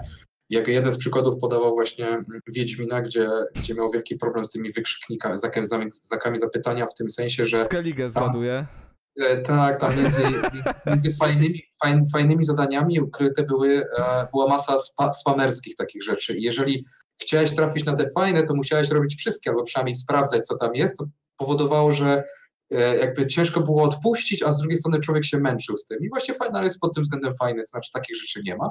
To, co z kolei jest oldschoolowe i drażniące, to jest, aż to nie jest oldschoolowe, żeby nie było, ale drażniące jest w Finalu taka jego, takie, taka toporność, to znaczy podchodzisz na przykład do przycisku, który masz wcisnąć i jesteś 5 centymetrów w lewo za bardzo, więc próbujesz się przesunąć w prawo, to przesadziłeś, przesunąłeś się 5 centymetrów za bardzo w prawo. Albo na przykład y, włącza się cutscenka, po czym wraca jakby kontrola nad twoją postacią i musisz poczekać 3 sekundy, zanim będziesz mógł się nią ruszyć, mimo tego, że już są wszystkie wczytane elementy interfejsu. Albo na przykład takie duperele typu mm, Dialogi, to, to mnie najbardziej wkurzało. Podchodzę do postaci, wciskam trójkąt, żeby z nią pogadać i jest przerwa. I czekam 3 sekundy, aż gra mi załaduje, że moja postać może teraz rozmawiać z tą drugą postacią. Miałem tak, tak, tak, tak, Albo dialogi NPC-ów w mieście, które wszyscy wypowiadają wszystko jednocześnie i w po lewej stronie tak ci wyświetla taki spam tekstu. Znaczy to jest ra- fajne, że raczej- wypowiadają to jednocześnie, ale oni No mówili to głośniej wydaje. niż postaci fabularne. To Tak. znaczy tak czasem, że gadam z fabularną i słyszę tylko, jak jakiś koleś mówi taką randomową jakąś tam wypowiedź na temat ostatniego zamachu i tak e, nie wiem, czego mam słuchać, nie? W sensie to, to dziwnie to wyszło. Gothic robił to lepiej. Ale właśnie tej toporności jest dużo i ona mnie drażniła. Em, są takie zagadki środowiskowe w grze i one są strasznie wydłużone właśnie przez to, że jakby taką ich toporność, to, że tak by za każdym razem włącza się to jakieś takie opóźnienie związane z przejęciem kontroli nad jakimś takim dużym ramieniem, którym kontrolujesz, albo Mhm. jak to było takie, to jest dziwne, bo gra świetnie działa na przykład w, w, w walce, to jest płynna, w ogóle nie ma żadnego problemu, po czym na przykład, o, albo na przykład taka rzecz, która mnie też doprowadzała do, do szewskiej pasji, e, są momenty, w których nie możesz biegać. Z jakiegoś powodu nie możesz biegać, po prostu masz iść, a nie biec. I nie wiadomo na przykład dlaczego. bo konsola wczytuje e, tekstury. Nie, nawet nie, właśnie nawet nie. Chociaż jak wczy, wczytuje tekstury rzeczywiście jej postaci dosyć, dosyć agresywnie przed tobą, jak, jak się gra na zwykłej PS4, nie wiem jak na Pro, ale po prostu, po prostu nie, bo na Ale- przykład idziesz za jakąś postacią, która cię prowadzi i czasami możesz biegać, a czasami nie. Albo na przykład e, jest dużo właśnie takich pierdół, które były jakieś takie spowalniające, drażniące. Są takie miejsca, gdzie wchodzisz do pomieszczenia i przez chwilę nie możesz ruszać kamerą w ogóle a możesz ruszać po chwili tą kamerą. Dlaczego? Nie wiem, to było drażniące. Ja mam Mhm. wrażenie, że dużo z tych rzeczy to są kwestie techniczne, że oni poszli mocno na przykład, żeby ta, ta grafika, te modele głównych bohaterów wyglądały super, żeby efekty były super, a później zdali sobie sprawę, że okej, mamy problem z wczytywaniem lokacji, mamy problem tutaj, dlatego jest na przykład tak dużo tych scenek, gdzie postać przeciska się pomiędzy szczelinami, bo to jest czas dla konsoli, żeby dała kolejną lokację, a jednocześnie nie było loadingu, nie? I pewnie dużo tych Mm. przypadków, że twoja postać idzie powoli, też jest tym spowodowane. Też, ale z drugiej strony tak myślałem, bo tam są takie momenty, w których bardzo oldschoolowe w takich starych grach, jak postać się przeciska przez wąskie przejście. Zazwyczaj to jest ten moment, w którym przechodzimy z jakiejś lokacji do innej lokacji i to jest jakby okej, to w Uncharted powiedzmy też jest taki klasyczny motyw, nie? Przyciskasz się, potem już nie możesz wrócić, więc konsola zapomina to, co sobie wczytała z poprzedniej, wczytuje sobie nową, ale tam masz na przykład trzy takie przyciśnięcia się jedno po drugim w korytarzowej lokacji, w której nie ma nic poza krótkim korytarzem, więc Mhm. jakby mam wrażenie, że to nie jest element, który ma maskować doczytywanie pewnych rzeczy, tylko że po prostu to zrobili z jakiegoś powodu i jak robisz te trzy przyciskania się pod rząd, to to zaczyna być wkurzające. No to je- jeszcze moja teoria jest taka i pewnie dużo w tej grze niestety jest złego przez to, że mam wrażenie, że oni tę grę wydłużali, wydłużali, żeby nikt im nie zarzucił, że a, wydaliście pierwszy epizod, sprzedajecie to za pełną cenę, a to jest gra na 20 godzin, nie? Mm. Nie, musimy zrobić z tego minimum 40. I tu właśnie te wszystkie powalniacze, te wszystkie walki, które są niepotrzebne, te zadania poboczne, które są ciśnięte zupełnie na siłę, to wszystko sprawia, że ta gra ma dodatkowe pewnie 10-15 godzin i twórcy mogą powiedzieć, nie no halo, nasza gra jest na 40 godzin, to jest pełna cena, pełna gra, nie? Mm. A mogliby po prostu wydać dużo lepszy tytuł za, na 20 godzin i pewnie nikt, by nie narzekał, że, że musiał za to zapłacić więcej. Znaczy pewnie znalazłyby się takie osoby, ale to, to nie byłbym ja. Ja Mhm. Bo- strasznie cierpię na tym, jakby odbieram te długie korytarze, które Adamowi się podobają, Kwiściowi chyba mniej, z tego co zrozumiałem. E, bardzo źle, ale dlatego, że eksploracja, nawet nie wiadomo, nie wiem, czy mogę użyć tego pojęcia eksploracja w stosunku do prostego korytarza, ona niczym cię nie nagradza.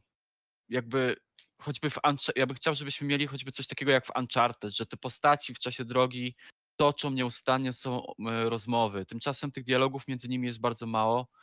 E, Jest na tyle niewiele, że w zasadzie jak już są, to robisz wow i traktujesz te korytarze jako o nie, dobra, nowa lokacja, czyli godzina korytarza, będę biegł do przodu i pokonywał kolejnych przeciwników. I Tak, że, że na początku to jest ok, ale już po tych 20 godzinach to już jednak mówię sobie czasami nie, że na początku ciężko się powstrzymać, bo widzisz na przykład za kratą jakąś skrzyneczkę i automatycznie zaczynasz kombinować, a? Jak, jakby się tam dostać, nie? Ale jak otwieram tą skrzyneczkę i wypada mi znowu dwa potki, to tak sobie myślę, ale po co w sumie? nie? Dokładnie. To, to jest nagroda dla mnie po 20 godzinach już tych korytarzy było za dużo. E, Znaczy, że te, to, to jest ten klasyczny motyw z gier tego typu, gdzie masz masę jakichś przedmiotów do użycia, których nie używasz całą grę na przykład. Ja mam masę no, przedmiotów, no. granaty, których nie użyłem, bomby, których nie użyłem. W ogóle potem Ale- tą listę. Co to za przedmioty w ogóle? Ale jedna jest rzecz, to co mówiłeś, te minigierki. Dla mnie to jest jeden z elementów finali, który chciałbym znaleźć w większej ilości zachodnich RPGów, bo tak, te minigierki czasami są irytujące, czasami są nudne, czasami są średnie, czasami są fajne, ale dla mnie to jest taki fajna odskocznia od tego standardowego gameplayu. Chodzisz po korytarzach, walka, dialog, walka, dialog, chodzisz po korytarzach, walka, dialog. I te minigierki, takie jak ta jazda na motocyklu, która w sumie była bez sensu i, i głupia, ten, ten dźwig, ta ręka, o której Adam wspominałeś. Jakieś, Przysiady. e, Przysiady, no przysiady dzisiaj robiłem, miałem kupę zabawy. Jeszcze te postacie tak. z siłowni po prostu. Tak, tak. To jest, ale ja nie mam problemu, żeby była coś z minigierkami jako Ja takimi. rozumiem, po prostu tak, Ze tak, tak. słabymi minigierkami. To Przysiady są super. E, motocykl jest świetnie zrealizowany. Dwa, są dwa razy ta minigierka się pojawia, bo Mhm. jeszcze będzie, będziesz jeszcze raz jeździł na motocyklu. Ale na przykład właśnie te rękawy to, to jest taka głupia minigierka, którą mógłbyś rozwiązać w dwie minuty, gdyby nie to, że ona działa tak powolnie, Tak, że tak, rozwiązasz tak, ją tak. 15. Mi, mi chodzi Mhm. raczej o to, że ja wolę, żeby na przykład była połowa minigierek taka sej i połowa fajna, niż żeby w ogóle ich nie było. No Jak, okej. jak w większości e, RPGów jednak jest tak, że twórcom nie chce się tworzyć, bo to się tak wydaje, to jest takie proste, nie? A tutaj Ale wymyśl coś, co jest takie wciągające, nie jest irytujące na dłuższą metę, a jest, stanowi na tyle, e, bym powiedział, e, typowy czy częsty e, zabieg w rozgrywce, żeby on był zapamiętywalny albo żeby był używalny, tak? Ale- ale Jakby przykładem problem, jest że- otwieranie zamków w RPG-ach zachodnich, Ale właśnie, otwieranie zamków to jest typowy przykład takiej minigierki, że twórcy ją tworzą i powtarzają ją przez całą grę. Tak. A w finalach często jest tak, że tworzą minigierkę, tworzą jakąś mechanikę, która pojawia się raz albo maksymalnie dwa razy i znika. I mam wrażenie, że często jak deweloperzy stoją przed takim zadaniem, to sobie mówią, Po no co? nie, nie będziemy się męczyć, po co robić taką. A, a Square jednak to robi i to jest fajne. To jest we wszystkich finalach są takie rzeczy i ja to lubię. Ja Ale tak jednak spodu. jest to myślenie, w sensie jak pomyślisz o tym stronę twórcy, nie, że poświęcasz te kilkadziesiąt godzin na wymyślenie, zadizajnowanie, zaprogramowanie i dopieszczenie, przetestowanie jakiejś mechaniki, która zajmuje średnio graczowi w porywach do godziny czasu, ale z reguły około 20 do 30 minut w przeciągu całej rozgrywki, nie? Jakby ta inwestycja czasu, energii e, ludzi, którzy to tworzą, e, feature, który ma się pojawić tylko raz w grze i on ma trwać jakieś góra 20 czy tam nawet tą godzinę czasu, jest mega deprymujące, prawda? A, a potem jeszcze cho- dochodzą oczywiście deadline'y, niedoszacowanie czasu na, na wykonanie i oddanie projektu i tak dalej i po prostu takie feature się najczęściej zwyczajnie ucina na etapie No, produkcji. ale tutaj nie ucięli i to jest fajne. Bo nawet, Mhm. nie wiem, rzucanie z, rzutkami w tarczę było w, dla mnie fajnie zrealizowane. Mhm. Nie wiem, zajęło mi to tam pobicie rekordu chyba może z 20 minut, ale, ale dobrze się bawiłem i czułem satysfakcję, że aha, jestem na leaderboardzie pierwszy. Ale są, jak tak teraz sobie próbuję przypomnieć, są takie minigierki, które jednak e, nie są niezbędne, czy takie e, nie do uniknięcia w RPGach zachodnich, bo tak jak powiedziałeś, akurat e, otwieranie zamków to jest coś, co się pojawia przez całą grę i poniekąd jest wymagane, bo jednak często są te zamknięte drzwi, coś tam, no, rzadko się zdarza gra, w której masz otwieranie zamków, w której nie musisz otworzyć ani jednego zamku przez całą grę, tak? są te najprostsze, chociaż żebyś tą minigierkę musiał odklikać, choćby po to, żebyś się dowiedział, że istnieje taka mechanika i mógł się nią zainteresować jako gracz. E, ale przychodzi mi e, do głowy, e, nazwałbym to protoplastę Gwinta, oczywiście zupełnie inny typ gry karcianej, ale Pazak z Knights of the Old Republic i wyścigi na ścigaczach. Właśnie też Mhm. w Knights of the Old Republic. To są też takie przykłady jednak minigierek, które totalnie nie stanowią koru rozgrywki, pojawiają się w jakimś tam momencie gry i są totalnie opcjonalne i można je zupełnie olać, Mhm. ale jednak się pojawiają. Niemniej jednak tych przykładów jest naprawdę niewiele i z tym się absolutnie zgadzam, że, że, że rzadko się e, twórcy, A przynajmniej zachodni na W to decydują. chyba można też nazwać, w finale tak mi się wydaje, protoplastą e, Gwinta tak naprawdę, bo to właśnie w finalach często pojawiały się gry karciane, które były czymś więcej niż prostą minigierką. Mhm. W dziewiątce mieliśmy grę karcianą, w której karty zbieraliśmy praktycznie przez cały czas. W I, ósemce też podobnie. tak, i graliśmy, no przez całą grę mogliśmy grać mecze, i coraz trudniejsze, mieliśmy turniej i, i te systemy y, tych gier karcianych były naprawdę rozbudowane i, i fajne, że one się nie, nie nudziły po, po pierwszej godzinie. Więc Mhm. tutaj y, możliwe nawet, że Wiedźmin y, właśnie z finali wziął pomysł na, na A jeżeli No. wierzyć e, legendom, to ponoć akurat na Gwinta pomysł gdzieś tam pod prysznicem deweloperowi przyszedł do głowy, tak, czy tam w wannie, ale Znaczy ak- akurat tutaj mieli bardzo konkretny wzór z, z oryginału, nie? w sensie Tak, tak, książki, więc mi nie, nie chodzi nawet o, o samą minigierę, nie granie w karty, ale że, że właśnie kolekcjonowanie tych kart i, e, i granie przez cały czas. Ale w Wiedźminie jest- 1 było kolekcjonowanie kart, ale innego rodzaju. E, dobrze, słuchajcie. E, zadania poboczne jest chyba kolejnym tematem, który Kwiściu nam na dzisiaj przygotował. Czyli treść gry, która nie ukrywajmy w RPGach zwykle stanowi jakieś jej co najmniej 60%, tak? Bo wątek fabularny główny to wątek fabularny główny, ale jeżeli miałbyś tylko główną opowieść, to pewnie gra by się kończyła po godzinach nikt by nie zapłacił za to 270 zł, tak?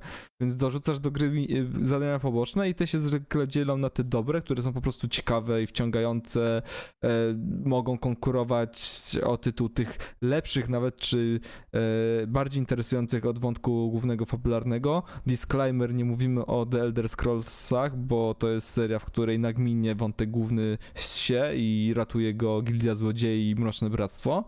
E, ale no, są to też e, pole do popisu dla twórców, żeby no, nie zrobić z tego przynieść podaj pozamiataj, czyli kontentu, który po prostu ma zapchać ci czas w grze. Jak to wygląda w remake'u? Czy tutaj te zadania poboczne rzeczywiście e, wprowadzają coś tak, tak istotny element gry, czy to jest po prostu właśnie po to, żeby ten licznik czasu spędzonego w grze się nabijał?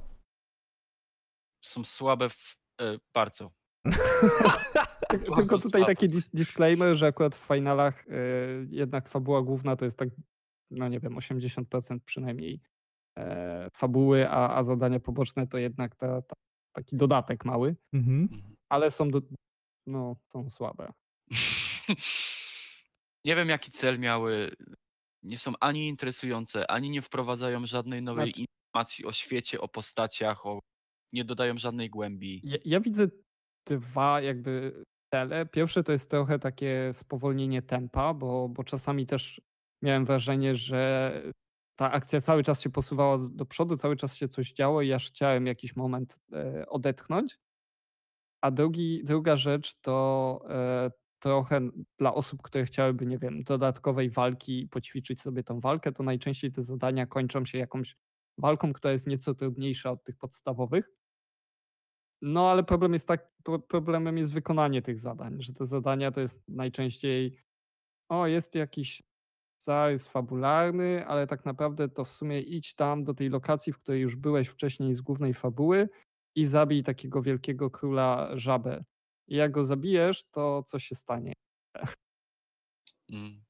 No tutaj akurat, akurat to zadanie powiedzmy, że otwiera ci pewne możliwości, bo tam się pojawia, poznajesz taką ekipę takich dzieciaków, która dopuszcza cię do swoich tajemnic, jeżeli im pomożesz i jedną z tych powiedzmy ich tajemnic czy możliwości to jest taki sklepik, w którym możemy wymieniać takie specjalne przedmioty, które znajdujemy całą grę na jakieś takie wzmocnienia postaci, więc tam jakiś tam aspekt taki powiedzmy, że to, to są gorsze zadania. Są takie zadania, które rzeczywiście polegają na tym, że masz po prostu e, gdzieś dojść, kogoś zabić i potem wrócić. I nawet gra, chociaż to jest akurat miłe, proponuje ci loading od razu w miejscu tej postaci, dla której wykonywałeś zadanie poboczne, więc w sumie nie musisz biec z powrotem i to jest sympatyczne.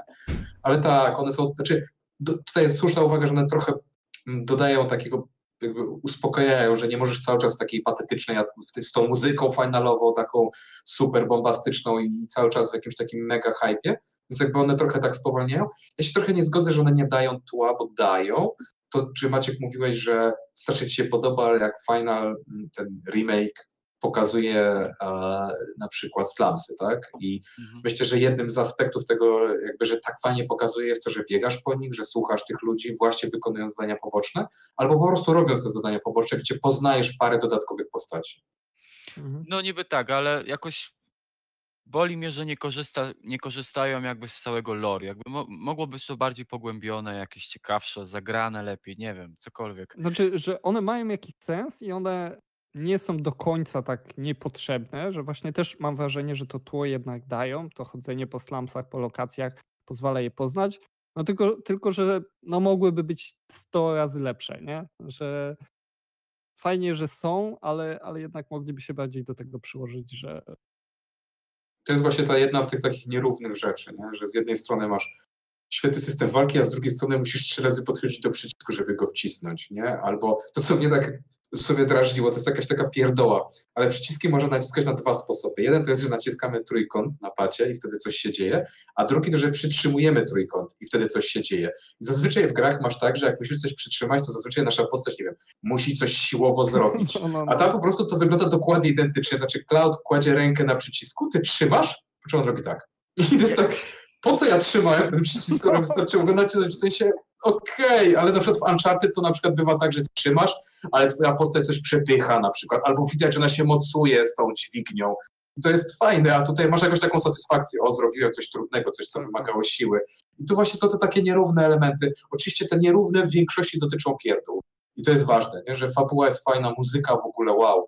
Muzyka w finalach zawsze była świetna i, i, i, i, tutaj a, aż takie, mm, aż się zastanawiałem, czy tak, tak, tak, tak e, sam sobie, czy i ile procent tego, że final jest taki kapitalny, w sensie na przykład siódemka, to jest właśnie ta niesamowita muzyka. Jak, Znaczy jak, dla mnie mu- muzyka z pierwszej misji to było tak, że jak odpaliłem tą grę, to już po pierwszych pięciu minutach byłem zadowolony, że nawet gdybym za nią zapłacił, to, to dobrze wydane pieniądze, bo muzykę z oryginału, ta postać wyskakuje z tego pociągu, no to było Tak. dla mnie, o kurde, to jest zajebiste.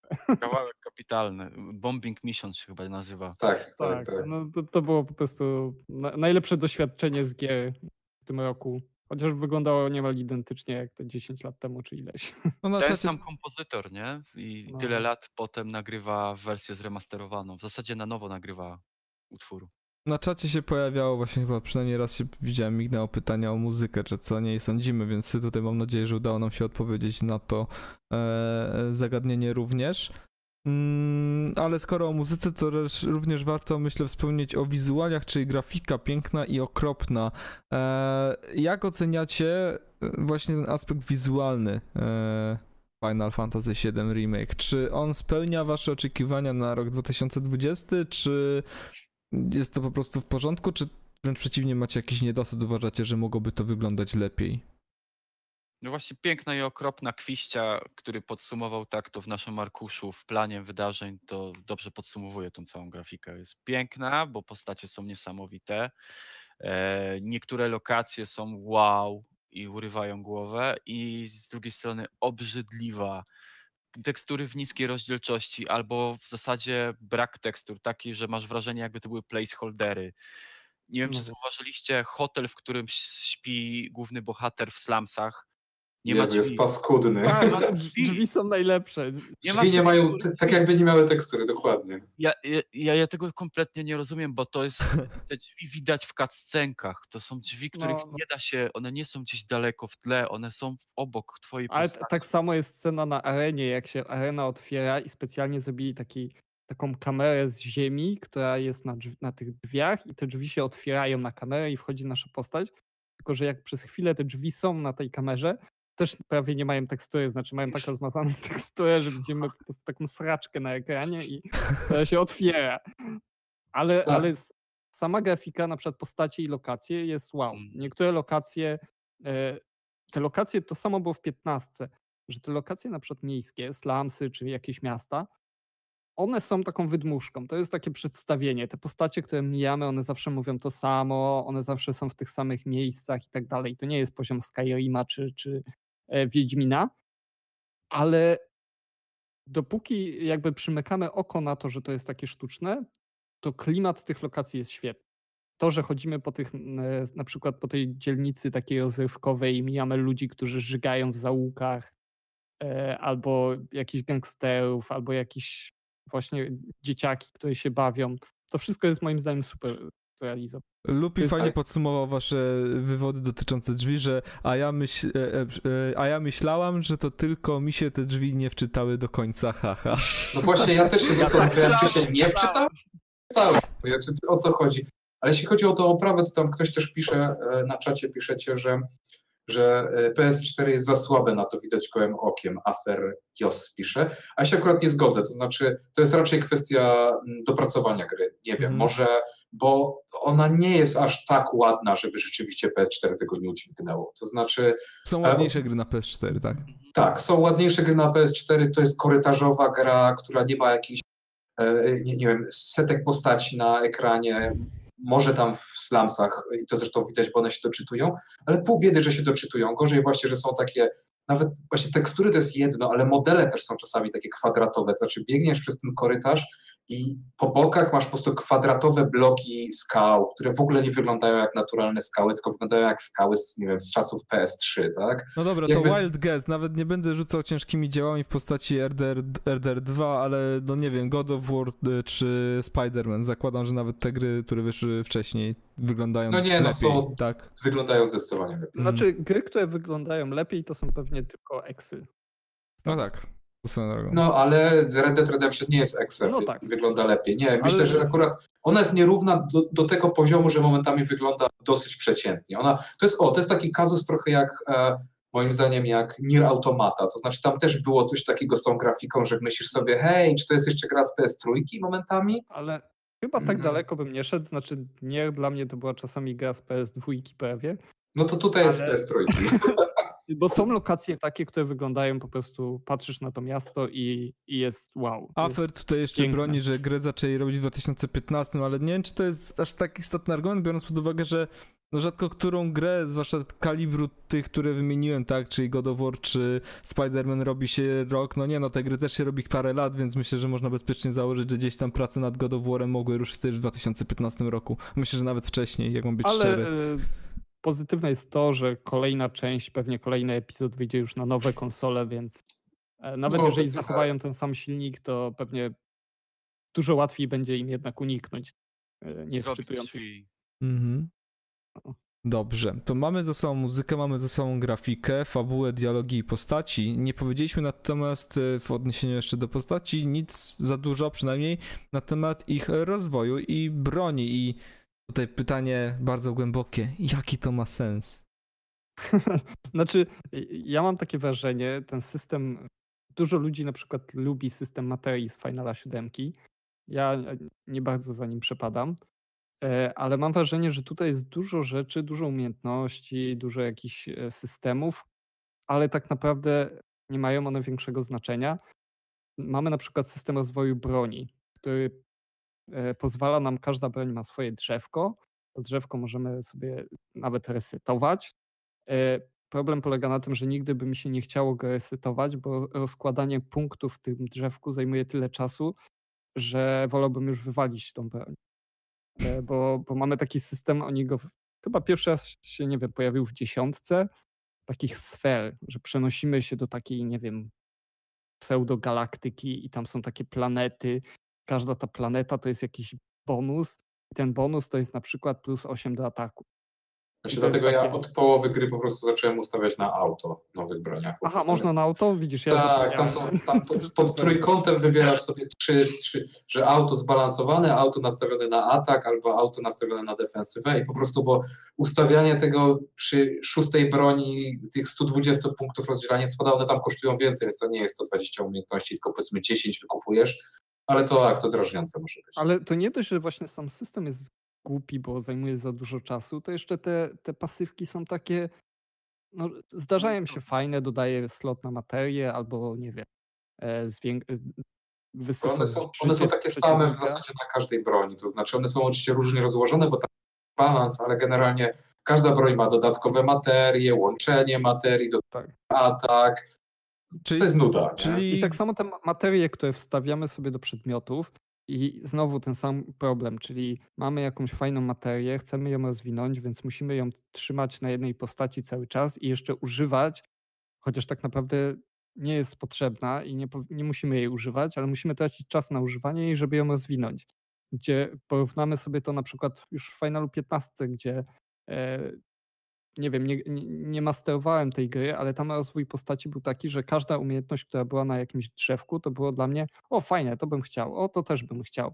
A tutaj tak naprawdę, no, mamy te mi się, materie. Że, że materie rozwijają się niezależnie od tego, czy je używasz, czy nie. Musisz mieć tylko podpięte w postać. Natomiast Wiesz y, co, wydaje mi się, że nie, bo też nie jestem pewien, że jak używałem, e, chyba że chodzi ci o pasywne, ale, ale czarów na przykład dopiero jak zacząłem używać, nie wiem, e, Fire, to po jakimś czasie miałem kolejny poziom. Właśnie też nie jestem pewien. Mam wrażenie, że dużo wolniej awansują postaci, którymi mniej grasz. To znaczy, jeśli nie przyłączasz się między postaciami i z ich poziomu nie używasz e, speli, No. na przykład, to czarów, to wtedy.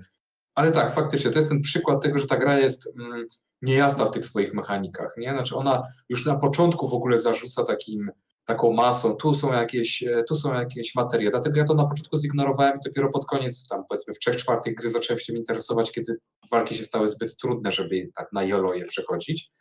Więc e, i ona tak zarzuca cię tymi mechanikami, nie do końca są jasne. W sobie mamy łącznie pewnie z 60 czy 70 godzin w tej grze, w sensie w trójkę, a nie wiemy takich podstawowych rzeczy. Jak awansują czary, których O, używamy łączenie czasu nie? doświadczenia w grze to jest niebezpieczna tematyka. Panowie z Riot Games się już o tym przekonali, tak?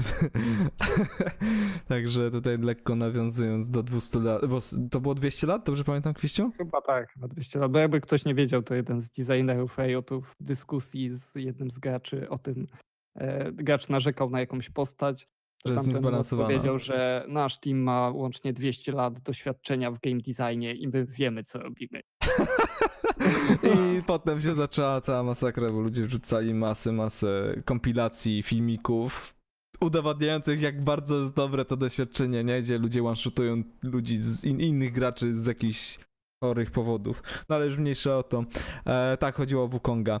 E, no dobrze, czyli podsumowując, rozwój postaci jest mało bym powiedział, tak, takie odniosłem wrażenie, że jest mało ekscytujący, jakby e, rozdawanie tych punktów nie wiąże się z e, jakąś diametralną, czy nawet e, znaczącą różnicą w stylu prowadzenia rozgrywki, co bardziej opiera się po prostu takie surowe podbijanie statystyk, w związku z czym się pojawiają większe cyferki na ekranie, tak? Właśnie nawet rozwój postaci jest chyba typowo e, oldschoolowo JRPG-owy, to znaczy go nie ma, bo on się dzieje Aha. za ciebie. Znaczy po prostu postać awansuje i w zasadzie wszystko się odbywa Więcej poza HP, tobą. więcej damage'u, więcej Tak. odporności. Nawet nie do końca wiesz czego więcej, bo nawet nie dostajesz takiego prostej informacji. Rozumiem. Tak przynajmniej ja to, ja to widziałem, nie wiem. Czy może coś przegapiłem? Co wcale nie jest dziwne, bo nie wszystkie menusy przeglądałem z dokładnością, tam jakoś szczegółowo analizując, co tam jest. Znaczy, że to jest po prostu taki system, który moim zdaniem niepotrzebnie przenosili w większości z oryginału, że mogliby go jednak zbudować i, i trochę zaktualizować. Mhm. Tutaj się pojawił kontrzarzut od Barta na czacie, że można po prostu poświęcić trochę czasu na doczytanie, przeczytanie i podubaniu w tym systemie i wtedy się go rozumie. Wydaje mi się, że tutaj problem nie chodzi o, o brak z jego zrozumienia, bo pewnie on nie jest jakiś trudny w zrozumieniu. Jakby zarzut dotyczy głównie tego, jak bardzo on jest redundantny, że to jest po prostu takie podbijanie cyferek, podbijanie statystyk, ale to nie zmienia sposobów, w jaki grasz, po prostu gra ci się prościej, ale nie przez to, że masz nowe możliwości. To jest jak porównywanie na przykład rozwoju. O, wiem, e, chociaż też nie do końca to będzie prawda, ale to jest porównywanie trochę rozwoju e, samej postaci w Diablo 2. Wyłączamy drzewko umiejętności, chodzi tylko o same statystyki, tam siła, zręczność i tak dalej, do na przykład drzewka umiejętności obecnym w Shadow of War, gdzie każda kolejna zdolność to jest zupełnie nowa, e, nowy sposób na prowadzenie rozgrywki, bo nagle zyskujesz możliwość latania na smoku, nagle zyskujesz możliwość teleportowania się, to w znaczący sposób zmienia to, w jaki sposób podchodzisz do walk, tak? Podczas gdy podbicie siły o 10 punktów w zasadzie no, nie wiąże się z jakimś z diametralnym z, od, No to- to zmianą sprawia- odczuwania gry, tak? To sprawia, że nawet nie chcesz poświęcić tych 10 minut na przeczytanie, bo dopóki e, dajesz sobie radę, to, to po co masz tracić czas na No właśnie to, to jest to, nie? Że, że w momencie, kiedy przechodzisz jakby i nie masz problemu z, z, z przeciwnikami, to dlaczego masz jakby mieć jeszcze mniejszy problem z nimi? Ja nie miałem problemu przez większość gry. Do momentu, powiedzmy, kiedy się pojawiłem w kanałach, tam się pojawia pierwszy raz starcie z Abzu, takim wielkim szczurem. I to był moment, w którym dostałem łupnia dwa razy.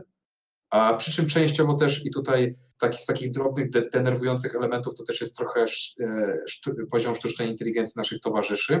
Tam są takie ataki obszarowe. Nasz, e, ten wielki szczur od czasu do czasu uruchamia taki atak obszarowy. To jest taka, tam się wylewa taki, jakiś taki szlam z, z kanału. I wszystko fajnie, jak mogłem, może i uciekłem moją postacią na drugą stronę, ale postaci AI stały właśnie w miejscu obszarowego ataku i wymarły mi wszystkie na przykład. Więc jakby To ja miałem taki przykład, y, przypadek z tą walką, że zastanawiałem się, po co w ogóle jest ta woda, bo ani razu mnie nie trafiła, bo widocznie te, walczyłem w takim miejscu, że ten atak no nie Mhm. miał dla mnie żadnego znaczenia. On był równie dobrze mógłby być poza, poza mapą, bo, bo nigdy nie trafiałem, ale miałem problem za to z, ze skokiem stwora, który na samym początku walki, jak y, on tam kilka razy wchodzi na ścianę i później zeskakuje i próbuje złapać naszą postać, to pierwsze trzy skoki e, uniknąłem uskokiem i myślałem, a jestem taki pro, że, że unikam tych ataków, a od połowy walki nie byłem w stanie uniknąć żadnego tego skoku. Po prostu nie wiedziałem jak. Za każdym razem mnie łapał i akceptowałem to, okej, dobra, dostaję teraz obrażenia, bo, bo nie wiem co zrobić. Nie? Bart tutaj pragnie sprostować, że mu konkretnie chodziło o system materii. Eee, to tam pewnie będziecie jeszcze mieli okazję się ewentualnie na ten temat wypowiedzieć. Eee, ponieważ jednak nam powoli, myślę, kończy się czas, ja chciałem jeszcze zahaczyć o ten ostatni temat, który mieliśmy w agendzie, w agendzie czyli e, e, różnice względem oryginału i odwaga Square Enix. I ja jestem bardzo ciekawy, e, co się pod tym hasłem kryje. Jakby, dlaczego uważasz te zmiany, które zaszły względem oryginału za odważne? Znaczy, bo jest to gra kultowa, nie? To jest Mhm. trochę tak jak, e, jak te zmiany w remake'u Gotika. Jakby nagle w Gotiku O rany, zmienili... dobra. Aż tak? bo, bo było fajna, e, fajny był komentarz, nie wiem czy to Czarnego Wilka, czy kogoś, że, czy Heda może, że Final Fantasy VII to jest taki światowy gotik, że to jest taka gra tak kultowa na, w Stanach szczególnie i w Japonii, że e, po prostu jest świętość i w ogóle. Korzystając i... z prawa głosu, Gothic jest lepszy, ale mów dalej. Tak, więc Nie. każda, każda zmiana w tym oryginale to jest, no to jest trochę takie właśnie e, niszczenie świętości. Tracimy no sygnał z mają- Maćkiem. Tylko tu, tu jest o tyle łatwiej, tak jak wspominaliśmy wcześniej, że remake tworzą te same osoby po części, więc Mhm. one nie mają w tym problemu, żeby to zmieniać. Nie? Ja No, rozumiem y, oburzenie y, fanów. Absolutnie rozumiem i ku- ale ja jakoś podszedłem do tego trochę bardziej na luzie i to nie jest ten sam mój ukochany final, nawet nie jest mi z nim specjalnie po drodze, nawet nie za bardzo akceptuję to jako Final Fantasy VII. Właściwie tego podstawowo. nienawidzę. Ale to jest jakiś final, jakaś tam opowieść, jakaś interpretacja tego wielkiego świata, który jest, jakoś tam pamiętam. Wcale nie potrzebuję odtwarzania tamtego mojego wspomnienia na nowo. Wręcz przeciwnie, wolałbym, żeby właśnie ktoś zrobił mi taki remix, który stworzono mi tutaj w finalu, w remake'u. Bo ja mam swoje wspomnienia, jeżeli będę chciał, to zdecyduję się na tym karkołomne przedsięwzięcie i wrócę do oryginału po co mamy mieć tą samą grę w ładnej grafice? Ja tego nie, nie, nie bardzo rozumiem, więc przyjmuję wszelkie zmiany, które zaszły. Niektóre oceniam gorzej, inne lepiej, ale nie, nie powiedziałbym, że coś im nie poszło. Uważam, że ten odważny krok Square płacił się i chyba się upłaci za nas po tym, jak dobrze się sprzedała ta gra. Mhm. No I bo mieliśmy dzisiaj newsa, nie? że on sprzedało się chyba łącznie z tym, co dostarczyli do sklepów i co sprzedali cyfrowo, to 3,5 miliona kopii. Mm. A to jest gra tylko na, obecnie tylko na PS4. Chyba całkiem spoko.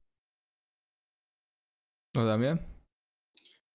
Znaczy jakby to ja nie jestem, nie należę do tego grona, którzy się wychowali na Final Fantasy VII, więc jakby ciężko mi się do tego odnieść o, w Mhm. ten sposób. Ja patrzę na tą grę jako nową grę, nową Mhm. starą grę, widzę w niej dużo starych elementów z, klasycznych RPGów i JRPGów głównie, tak? E, I, I jakby w tym sensie ta, ta odwaga Square Enix to dla mnie taka enigmatyczna, nie? W sensie Rozumiem. ufam, że tak jest, ale, ale jakby sam, sam za to mogę powiedzieć tyle, że rzeczywiście mm, krótko po skończeniu e, Finala e, 7 remake'u kupiłem sobie Finala 7 nie remake na PS4. Co Mhm. więcej, jestem na tyle mało rozsądną osobą, że dopłaciłem do wersji PS4 z 20 zł, żeby móc nabijać achievementy, aż wersja na PS Vita nie ma achievementów, w związku z tym, a mógłbym ją również kupić. W każdym razie tak, to jest ciężkie doświadczenie i bolesny powrót w ten, Ale ten, ten mega... wersja na PS4, jeżeli dobrze pamiętam, to ona zasłużyła nawet na miejsce na konferencji Square, Square Enix na E3. E, Pamiętam to, ten moment, jak wszyscy myślą, że e, prezydent Square Enix właśnie ogłosi remake siódemki, a on wychodzi i ogłasza, że siódemka wyjdzie na PS4 i pokazuje tą samą siódemkę. Znaczy ona ma, ona ma tam parę zalet, na przykład ma, ma, ma, ma takie bardzo łatwe, to jest przyjazne jakby dzisiaj, typu przyspieszenie czasu trzykrotne na przykład, więc te walki, które są takie automatyczne, po prostu można na, na przyspieszeniu po prostu pyk, pyk, pyk, nie? Albo tam na przykład jest możliwość chyba wyłączenia tych losowych starć, które potwornie potrafią wydłużyć. Oczywiście one są też potrzebne, żeby sobie nabić odpowiedni poziom, żeby potem z bossami sobie poradzić, ale jakby można je wyłączyć, jeśli chce się pobiegać po świecie, więc Mhm. jest tam niby parę ułatwień, ale tak, to jest bolesny powrót, więc zdecydowanie chyba lepiej poznać, e, jeśli jest się młodym graczem albo się nigdy nie grało w tą klasykę, jednak ten, ten remake, bo on jest Ale- dostosowany do dzisiejszych standardów. Ale ciężko ci się gra teraz w e, klasyka? No, to jest brzydkie, to jest jedna sprawa. Te, e, znaczy ja już Maciek się jestem gotuje. Nie, no Nie. rozumiem to. Ale to, to, to, to zestawienie tych potwornie em, kwadratowych postaci 3D z malowanymi tłami, które wygląda bardzo źle, to zestawienie. To znaczy ono tak się... I, i te postaci, które mają kwadratowe zakończenia rąk, to w ogóle what the fuck. I, i- i te losowe starcia, które masz co chwilę. I No to jest najbardziej. ja już, ja już po prostu mam dość tego typu e, JRPG-owania, to znaczy du, dużo już miałem w swoim życiu tych losowych starć i po prostu jak gdzieś biegnę i rozgrywam szóste starcie z taką samą ekipą tych samych postaci i używam tych samych umiejętności i to tylko obniżyło mi o 5% życie e, moich postaci, to jest takie... Fani Pokemonów na całym świecie przewracają się, tak jak to No słyszę. zgadza się, Pokemony się nie rozwijają właśnie. Jakby ja żałuję, bo, bo mnie też trochę to zniechęca już tego typu. E, Hmm. Ja nie grałem w te, Grind. odświeżone wersje, ale pamiętam, że też na przykład Final 9 e, przechodziłem na emulatorze, chociaż miałem oryginał, bo, e, bo na, na emulatorze nie dość, że mogliśmy podbić sobie rozdziałkę, to jeszcze było właśnie przyspieszenie i quick save'y, więc na przykład farmienie mobów wyglądało tak, że trzymaliśmy cały czas przyspieszenie i wciskaliśmy jeden przycisk, bo większość przeciwników mogliśmy zabić podstawowymi atakami, więc nawet nie, nie musieliśmy wiedzieć, co się dzieje na, w tych walkach, tylko one się szybko kończyły, zaczynały, kończyły, zaczynały i no i to ułatwiało i uprzyjemniało tą grę. Ale też e, problem niestety, jaki, e, na jaki mogą trafić gracze, którzy chcieliby sobie właśnie odświeżyć te poprzednie części, jest e, przede wszystkim z Crazy Scorem, czy Crazy Scorem, który wyszedł tylko na PSP i niestety nie jest dostępny cyfrowo, z tego co, co mi się wydaje. Więc jeżeli ktoś by chciał sobie tak totalnie e, zagrać w or- oryginalną wersję, to niestety musiałby kupić pewnie na Allegro Crazy Score, ewentualnie na e- emulatorze. Jeszcze tak co do różnic oryginału a remake'u, to przypomniała mi się taka różnica, która rzuciła mi się w oczy po zagraniu w remake, bo w oryginale każda walka jest randomowa i jest loading, nie? Takie rozbicie y, ekranu, jakiś tam rozmazuje się ekran, przenosisz się na arenę. I ten loading tam jest. W oryginale, fu, w remake'u tego nie ma i po każdej walce w oryginale miałeś fanfary. Ty, ty, ty, ty, ty, ty. Tego nie ma w remake'u. Czasami tylko Barret sobie nuci pod nosem. Ty, ty, ty, ty, ty, ty. Albo jest- sygnał jest w telefonie. Kapitalny easter egg. To jest w ogóle strasznie podobne do piętnastki. W piętnastce ta, ta, ta ekipa tych chłopaków sobie nuciła te motywy, ale jak dla mnie za mało jest tego motywu. To znaczy e, i przy awansowaniu postaci, a, a właśnie szkoda, brakuje mi trochę tego, ty, tych takich jingli klasycznych, bo tak jak mówisz, Barret sobie nuci, co zresztą to też jest takie śmieszne, bo są na przykład takie sceny przejmujące, powiedzmy ważne dla Barreta emocjonalnie, więc oglądasz jakąś przejmującą, trudny moment, przeżywasz razem z Barretem i trzy sekundy później on robi ty, ty, ty, ty i tak okej. Trochę mnie to wybiło z emocji. Ale, ale, ale jakby dlatego szkoda może, że nie ma tego po prostu gdzieś w jako muzyczny dżingiel taki, bo mi tego też brakuje w sumie. Mhm. Słuchajcie, powoli się zbliżamy ku końcowi naszej dzisiejszej dyskusji w ramach podcastu Friendly Fire. W związku z czym tutaj już napisałem na czacie, że to jest najlepszy moment, żeby pozadawać kilka pytań, które wam z chęcią przekażę od naszych słuchaczy na żywo. Przypomnę dla tych, którzy nas e, obecnie słuchają na przykład na Spotify'u po fakcie, że no akurat wyjątkowo we wtorek o godzinie 19 odbył się ten podcast, ale normalnie staramy się utrzymywać e, regularnie w piątki o tej godzinie właśnie 19 e, te podcasty. E, A pytanie, które chciałem wam zadać to tutaj od Morgana, czy jeżeli Final Fantasy XV mi się podobało fabularnie i pod względem walki, to który final by mi przypadł również do gustu? Hmm. To jest ciężkie pytanie, bo e, tak naprawdę piętnastka to jest chyba pierwszy poza tymi MMO final, który był spoko na tę nową generację konsol, bo trzynastka była taka sobie, powiedzmy, że 7,5 chyba na tyle bym to ocenił. E, więc trzeba się cofnąć trochę w czasie, a jak już cofniemy się w czasie, no to niestety trafiamy na w większości przypadków na walkę e, turową. Ja bym polecał przede wszystkim siódemkę i dziewiątkę, bo to były dla mnie najlepsze części. E, Odradzam dziesiątkę. E, Wiem, że dużo ludzi poleca dziesiątkę, ale ja się zupełnie od niej odbiłem. Jest strasznie cringe'owa i to jest najgorszy rodzaj cringe'u w finalach. Wystarczy sobie wpisać w Google Final Fantasy X Tedious Love Mhm. i, i zobaczycie, jaki to jest poziom cringe'u. E, Więc no ja bym polecał siódemkę albo dziewiątkę. A pewnie No i najlepiej remake. jeżeli- Remake po prostu. On jest, on, jest, on jest właśnie podobny w tym sensie, że ma i walkę właśnie dynamiczną i a co prawda jest korytarzowy, nie ma tego motywu z otwartym światem, ale jakby jest podobny w Tak, sensie... tak, tylko Morgan niestety napisał, że nie ma konsoli, więc A, pewnie okej. czekać na wersję PC-ową. Bo Mm. chyba jest zapowiedziana, nie? Albo. A na pewno chyba nie, nie jest zapowiedziana, że. I że to tam- spojrzenie Adama w kierunku Maćka. Bo akurat tak jesteście ustawieni na ekranie, że to wyglądało tak, jakbyś się patrzył podejrzliwie na Maćka i oczekiwał odpowiedzi od niego. Znaczy to, co widzę w encyklopedii naszej e, e, na gry online, to nie ma żadnej platformy poza PS4, w związku z tym na pewno oficjalnie nic nie wiemy. Mhm. Nie, ja jakieś ploty czytałem po sieci, że, że, że, że planują, ale to były ploty. Mirol Mhm. się pyta, jakie macie ulubione postaci z serii F Final Fantasy i dlaczego? Oczywiście Aeris. Oj, kocham ją, bo jej. Dobra, przejdźmy dalej, Adam. Nie, nie, niech Maciek mówi. Ze Nie. znienawidzonej przez Kwiścia dziesiątki to będzie Juna, z nią znowuż chodziłbym na mszę. E, Klaudę lubię i chyba najbardziej ulubionym głównym bohaterem jest Squall e, z ósemki. Jakby to dla mnie to jest gościu, gościu, który można skwitować jednym słowem, słowem whatever. To jest najczęściej przez niego wypowiadana kwestia, więc jest bardzo edgy. Jakby to ujął Adam. E, e, ale z nimi się chyba najmocniej związałem. Oczywiście. E, Dla mnie z finali, no, dla mnie najlepszy final to jest dziewiątka. E, No może nie główny bohater, bo główny bohater nie jest jakiś super oryginalny, ale tam lubię no, Vivi przede wszystkim, Mm, czyli mały e, Black Mage, który jest no po prostu bardzo uroczy. Wygląda trochę jak z, z bajek studia Ghibli. E, I Queena, też bardzo fajna postać, która zżera wszystko, co, co, co może, w tym przeciwników.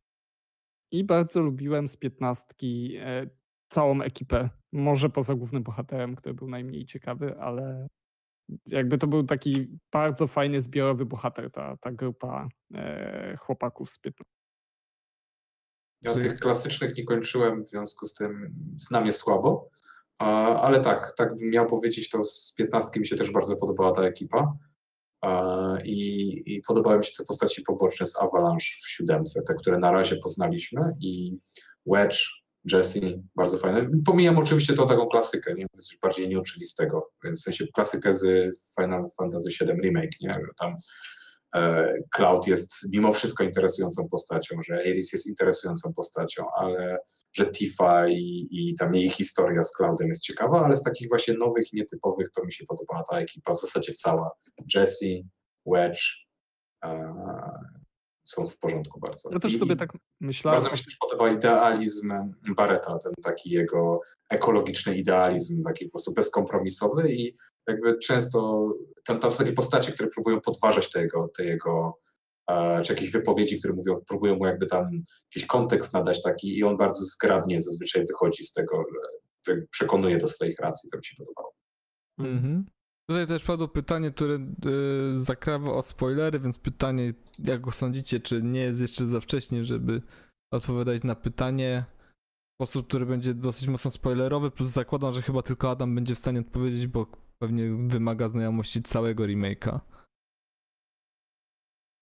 Jesteście gotowi Znaczy- na spoilery? Czy to uważacie, że jest zły pomysł? Wiecie, teoretycznie zawsze możemy ostrzec. Uwaga, najbliższe 20 sekund poświęcamy na odpowiedź ze spoilerami. Tylko, że wtedy Adam zaspoiluje nam. No, słuchaj, spróbować odpowiedzieć wojna tak, żeby nie wymaga było to- poświęceń. Dobrze, to spróbuję zadać pytanie, najwyżej nie odpowiesz, bo powiesz, że nie da się na nie odpowiedzieć w taki sposób, żeby nie zepsuć komuś zabawy. E, bo pytanie zadał Bart, e, co, e, jaka jest wasza interpretacja, czy w tym przypadku twoja interpretacja końcówki pierwszej części remake'u? Spoilery dla tych, którzy nie skończyli, niesamowite. Ale co to znaczy pierwsza część remake'u, szczerze mówiąc? Znaczy w sensie potrzebowałbym podpowiedzi. A, jest karta pułapka ta z y, Macao, tak, odwrócenie sytuacji. Teraz Bart musi odpowiedzieć na pytanie. Dobrze. Nie, bo, bo, bo gra, gra się dzieli na 16, na 18 rozdziałów. Ale to, że to jest pierwsza część jakby remake'u całości materiału sensie. źródłowego, nie? Tak, jest wyprostowanie, Aha. że to, co do tej pory otrzymaliśmy od Barta. Aha, okej, jak mi się, znaczy, tak jak mówię, osoby, która nie zna siódemki, ciężko jest ocenić. Znaczy, ja oceniam to jako ok. Podoba mi się to, że historia się otwarła, że pojawiły się nowe interpretacje, e, jakieś nowe postacie, których do końca nie wiem, kim są. Znaczy, już trochę więcej wiem, ale jakby w momencie ogrywania to nie było dla mnie oczywiste i to jest w porządku, ale no mam z drugiej strony świadomość, że gdybym znał siódemkę, to bym to miał dużo ciekawszą, jakby ten, ten odbiór byłby dla mnie dużo bardziej złożony, bardziej taki, więcej przemyśleń może miał na ten temat i jestem ciekawy właśnie, jak Maciek to odbierze, bo e, i co potem powie, bo ja po prostu do, nie mogę mieć takich, e, takich przemyśleń, kiedy Mhm. nie znam jakby całej tej historii i tych, jakby te niuanse, nawiązania, które dla mnie po prostu są zwykłą jakąś, jakąś tam e, jak, jakimiś tam momentami w opowieści e, no, nie dają mi tego A Maciek kontekstu. niestety jeszcze nie przyszedł całego remake'u, więc nie będzie też w stanie pewnie odpowiedzieć. Także jeszcze będziecie musieli y, poczekać na odpowiedź na te pytania, na to kolejne powiem na, podcasty. e, na pytanie odnośnie bohaterów, to e, z głównych bohaterów dla mnie najlepszy jest zdecydowanie Zak. Każdemu polecam Crazy Score, bo jest bardzo... Tylko tak jak wspominałem, tylko na PSP niestety. Mhm. Dobrze, słuchajcie. Myślę, że wyczerpaliśmy e, temat. Bardzo wbrew pozorom skrupulatnie, jak na formułę podcastową, e, rozłożyliśmy Final Fantasy VII Remake na części pierwsze. Wydaje mi się, że to jest dość informacji dla kogoś, kto rozważa, czy warto, czy nie warto, zarówno dla ludzi, którzy są fanami serii, jak i dla tych, którzy nigdy z Finalem styczności specjalnie nie mieli. Ja Wam bardzo serdecznie dziękuję, że przybyliście poopowiadać e, o tej grze. E, Dziękuję również naszym słuchaczom. Zapraszam na nasze kolejne podcasty. Zapraszamy na Spotify'a i inne serwisy audio, bo tam też możecie sobie posłuchać całości. Ale Dokładnie. VOD będzie też oczywiście na kanale. No i słyszymy się już niebawem. Dzięki panowie e, i Dzięki, dziękujemy dzięki, również Wam. trzymajcie się. Trzymajcie się Dzięki. ciepło i bezpiecznie. Hej! Naka.